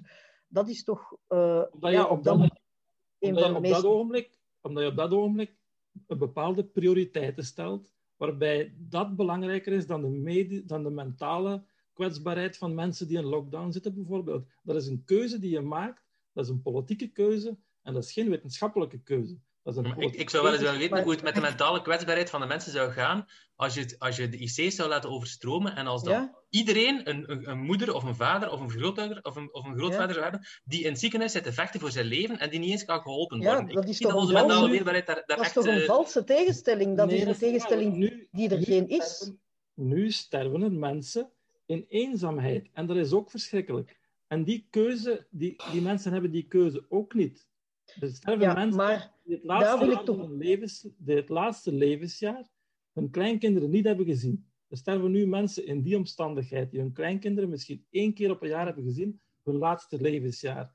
En dat kan niet in het debat gebracht worden, omdat de contouren van het debat worden beschermd en worden bepaald door protocols die van geneeskundige aard zijn en die bepaald worden door een aantal mensen die IC's enzovoort als prioriteit hebben. Dus daar is wel een ethische keuze die wordt gemaakt. Ja. We hebben hier een Heidi- wil nog iets zeggen. Ja. Ja, want ik denk dat je nu in je laatste zin wel aangesproken wel, dat is een ethische keuze die gemaakt wordt. Ja, het feit tuurlijk. dat die IC over, over bevraagd is en dat dat, het, ik denk, de meest gruwelijke manier is om te sterven, dat je door eh, gebrek aan zuurstof en dat ze zeggen, sorry, je moet op de gang wachten, we gaan u niet helpen, sterf maar alleen, maar dan in de gang, dat dat erger is als hetgeen wat we nu hebben. Dus ik begrijp niet hoe... Dat is inderdaad dat is een keuze die we gemaakt hebben. Je kunt dat een politieke keuze noemen, maar ik denk wel dat dat een gegronde ethische keuze is. En in de omgekeerde richting, eh, Erika gaf het daar straks al aan, het feit dat er moet getrieerd worden, is net, ik heb daar zelf ook al e-mails over gekregen, van oh, nu is het ver gekomen. Hè? Nu gaan we in plaats van, hè, we gaan heel consequentialistisch denken en we gaan zeggen wie mag leven, wie niet, in plaats van te zorgen dat we tenminste niet in een situatie komen waar dat we dat soort ethische keuzes moeten maken, waar dat we eigenlijk van zeggen, dit is een onethisch, onethisch Ja. scenario, waarin dat we dat soort beslissingen moeten nemen. Maar de mensen zelf, de mensen zelf om wie het gaat, kunnen niet beslissen. Om die Nee, keuze te maken? en dat heeft een goede reden. Dat is de tragedy of the commons. Als je iedereen apart laat beslissen, hè, dat is de, de parabel van de, van de weidegrond voor de mensen die de, de, de tragedy of the commons niet kennen. Dus ik zal misschien eerst de vergelijking maken. Hè, als je een wei hebt hè, en daar kunnen maar, als je daar vijf koeien op, op laat grazen, hè, dan zijn dat vijf gezonde koeien. Zetten daar twintig koeien op, dan gaan alle koeien dood omdat er niet genoeg gras is. Dat is wat we nu hebben. We zitten met een, met een beperkt. Uh, ja, potentieel. We zitten met een beperkt aantal, aantal uh, intensieve zorgbeelden. We zitten met een beperkt aantal contacten dat we kunnen toelaten om te zorgen dat ja. niet iedereen doodgaat. Dus wat gaan we doen? Ook tussen sectoren. Als iedereen zelf mag beslissen, ja, de kapper gaat zeggen, sorry, maar ja, als ik geen haar kan knippen, dan overleef ik niet. Ik ga failliet, ik ga blijven knippen. Ik ga dat voorzichtig doen, ik ga mondmasker dragen, dat is goed. Ik ga minder infecties. De, de cafébaas gaat zeggen, ja, maar ik moet overleven. Ik zal dat voorzichtig doen. Maar, mm. maar we zien al die kleine beetjes samen. Dat zijn allemaal koeien op de wei. Die maken samen dat het systeem explodeert of implodeert, hoe dat je wil. En dat uiteindelijk nog de cafébaas, nog de kapper beter af is. Hè? Want ze hebben hun, hun job zijn ze sowieso nog langer kwijt, omdat het virus nog langer blijft woeden. Mm. Er gaan mensen dood ondertussen. Terwijl als iedereen van in het begin rond de tafel zegt en zegt, we gaan ons individueel belang, onze vrijheid even opzij zetten, voor het individueel belang, dan heeft op het lange termijn iedereen daar baat bij en heeft iedereen zijn vrijheid ja, nee. Maarten heeft er al naar gerefereerd in Nieuw-Zeeland, in Australië. Daar is even kort en hard ingegrepen en ondertussen hebben de mensen daar terug meer vrijheid. Ja. Ik denk dat dat toch een, een, met, een correcte ethische keuze Beste is. mensen, ik ga, um, we hebben nog twee minuten. Er zijn nog een, een paar, uh, ik vind het een, een, heel belangrijk debat waar we nu toe komen. Dus er zijn nog een aantal vragen hier over, um, die algemener zijn, uh, over mRNA-technologie als een kantelpunt, die heel wetenschappelijk zijn. Daar kunnen we misschien nu niet meer op ingaan, het is te specifiek. Of over preventie, waar Erika in de chat al op geantwoord heeft. Um, maar we hebben dus nog exact uh, anderhalve minuut nu. En we moeten op tijd stoppen. We zitten met een heel strak uh, schema voor deze hele... Er zijn nog andere debatten en, en, en lezingen. Dus misschien dat nog iedereen... Uh, hij die heeft er al een, een, hele mooie samenvatting gegeven, denk ik, van waar het hier over gaat. Misschien dat nog iedereen nu nog een slotwoord doet van um, 20 of 30 seconden. En wat je nog het belangrijkste vindt om nog als finale boodschap mee te geven. En dan moeten we helaas stoppen, want het is wel... Um, we zullen nog rust nog heel de namiddag kunnen voortdoen, denk ik.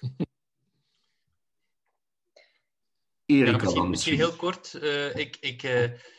Uh, wat, wat, nog niet aan bod is gekomen, maar wel, wat wel belangrijk is voor de toekomst, is denk ik, dit is zeker niet het ergst denkbare virus. Mm. Dus dit is, dit is verschrikkelijk verwoestend voor de hele wereld, ook uh, mondiale armoede. Ik ben als vooruitgangsdenker, uh, ga me dan aan het hart natuurlijk, is voor de eerste keer in 30 jaar fors toegenomen, omwille van dat stomme virus. En toch is dit zeker niet het ergst denkbare virus. Er zijn nog dodelijker en besmettelijker virussen denkbaar. Dus we moeten ons zeer goed voorbereiden, want inderdaad, voor een fractie van de van de kosten, economische, maatschappelijke uh, en psychologische kosten van de pandemie, kunnen we, uh, kunnen we hopelijk zo'n uh, zo'n pan pandemie of misschien een ergere pandemie in de toekomst gaan vermijden. Dus het beste scenario is het scenario waarbij we nu op zijn minst iets opsteken van dit virus en dat we ons geen twee keer aan dezelfde steen of aan een andere steen zullen stoten. Mm -hmm. Ja, um, daarop aanvullend denk ik dat we moeten blijven um, wel dit, dit soort debat verder zetten. Um, en ik, ik uh, denk dat we dat dan met goede feiten moeten doen. Ook heel goed die counterfactuals altijd heel goed overdenken. En echt denken van wat als...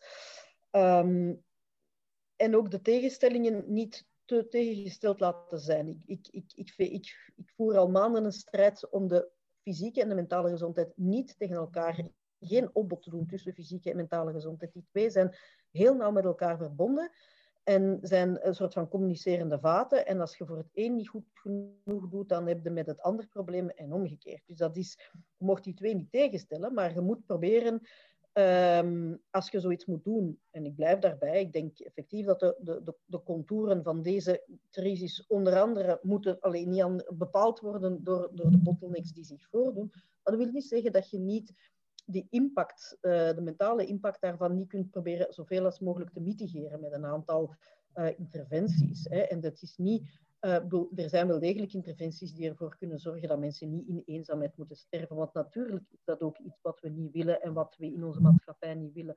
En waarbij je kunt proberen, zelfs als je nog niet iedereen zijn vrijheid kunt teruggeven door al die maatregelen, zoveel als mogelijk te, te mitigeren binnen um, binnen uw maatregelen. Um, en dat, last but not least, inderdaad, we moeten hiervan leren, we moeten hierover blijven spreken en we moeten vooral inzetten op preventie op alle vlakken, zoals ik in de chat ook beschreven heb. Bert? Ja, ik zou nog de boodschap willen meegeven dat er, um, dat er echt, echt beter moet geluisterd worden naar de mensen die, uh, die kritiek hebben op het beleid. Want het gaat die mensen echt niet, in feite het netwerk waarin ik mij dan be, bevind en, en de mensen die ik ken, het gaat niet om individuele vrijheid. Het gaat niet om zich onttrekken aan maatschappelijke verantwoordelijkheid en solidariteit. Dat is niet het punt van die mensen. Het gaat om een andere visie op het algemeen belang. En als we een echt debat willen hebben, dan moeten we ook wat het algemeen belang in deze context is, echt ter discussie kunnen stellen. Want nu wordt dat echt gedefinieerd vanuit een aantal instellingen en maatschappelijke actoren die macht hebben om dat te doen. En dat gaat ten koste van mensen die daar een andere visie op hebben en die zich machteloos voelen in de manier waarop dat nu het debat wordt afgeschermd en wordt belet. Voilà, dat is mijn boodschap. Heidi? Ja, uh, ik kan daar misschien eventjes op voorbouwen. Ik denk dat we inderdaad dat maatschappelijk debat moeten, moeten voeren. En ik denk dat we inderdaad soms wel duidelijker het onderscheid moeten maken tussen het soort argumenten waarmee dat mensen komen. Ik denk bijvoorbeeld, bij de, je hebt mensen die, die zeggen over de vaccinatie, ik wil geen vaccin, want ik denk dat ik daar autisme van zal krijgen, weet ik veel wat. Dat niet wetenschappelijk onderbouwd is, moeten we gewoon kunnen opzij zetten. Anderzijds zijn er mensen die zeggen, hm, dat is hier een nieuwe technologie, ik weet toch niet hoe, ik wil daar wat meer informatie over. -hmm. En dan moet je daar naar luisteren en moet je daarop ingaan, moet je meer informatie geven. Dus ik denk dat dat inderdaad belangrijk is om te luisteren. Los daarvan denk ik dat we er ons er ook van moeten bewust zijn dat je, als je wacht tot er wetenschappelijke zekerheid is over welke interventie de beste zal zijn, dan is het schip al verdronken, dan is het al te laat. En ik denk, als je zegt, ja, we weten niet welke maatregel, dat is waar, maar we moeten wel iets doen. En als we dan zien, als onze curve stijgt, we nemen een maatregel en gaan naar beneden, dan is dat voor mij op dat moment voldoende wetenschappelijk bewijs misschien niet, maar toch een duidelijke aanwijzing dat je daar iets gedaan hebt dat wel nuttig is. En ik wou misschien nog heel kort, omdat we het er niet over gehad hebben, iets zeggen over politieke verantwoordelijkheid. Um, ik denk dat, dat de, de mate waarin dat landen uh, succesvol zijn geweest of niet, dat dat vaak ook te maken had met vertrouwen in de politiek, is wel al kort gezegd. En dat daar politici toch ook wel uit mogen leren, denk ik. Ik denk wel dat we nu misschien een beetje op de goede weg zijn. Uh, maar het is belangrijk, en dat is ook dan belangrijk weer bij het terug afbouwen van de maatregelen, denk ik. Als je bepaalde heel restrictieve maatregelen invoert, waar dat ja, eigenlijk zeer stevige inperkingen zijn van vrijheden, Stel dat je die, wat er in de VS bijvoorbeeld bij de Patriot Act is gebeurd, dat je die zou laten lopen achteraf, dan neemt dat vertrouwen van de mensen terug af. En dan ga je bij een volgende crisis niet gedaan krijgen dat mensen zich aan ernstige maatregelen gaan houden. Dus ik denk dat het belangrijk is om goed uit te leggen aan de mensen waarom zijn er maatregelen en om ze af te bouwen wanneer dat het kan, maar dan ook wel pas liefst uh, wanneer, dat het, wanneer dat gevaar geweken is. Maar ik denk dat dat belangrijk is voor het vertrouwen ja. in de toekomst. Um, ik wil jullie allemaal heel hartelijk danken. Ik denk dat we toch een, eh, een interessant debat gehad hebben deze namiddag, die iets dieper gaat en toch van een heel ander niveau is dan de korte formats en de pers, en zeker op de sociale media, waar toch uh, dit zeer toxisch allemaal gebeurt. Dus ik ben daar echt blij mee dat we dat op die manier kunnen organiseren. Dank je Bart, Heidi, Maarten en Erika.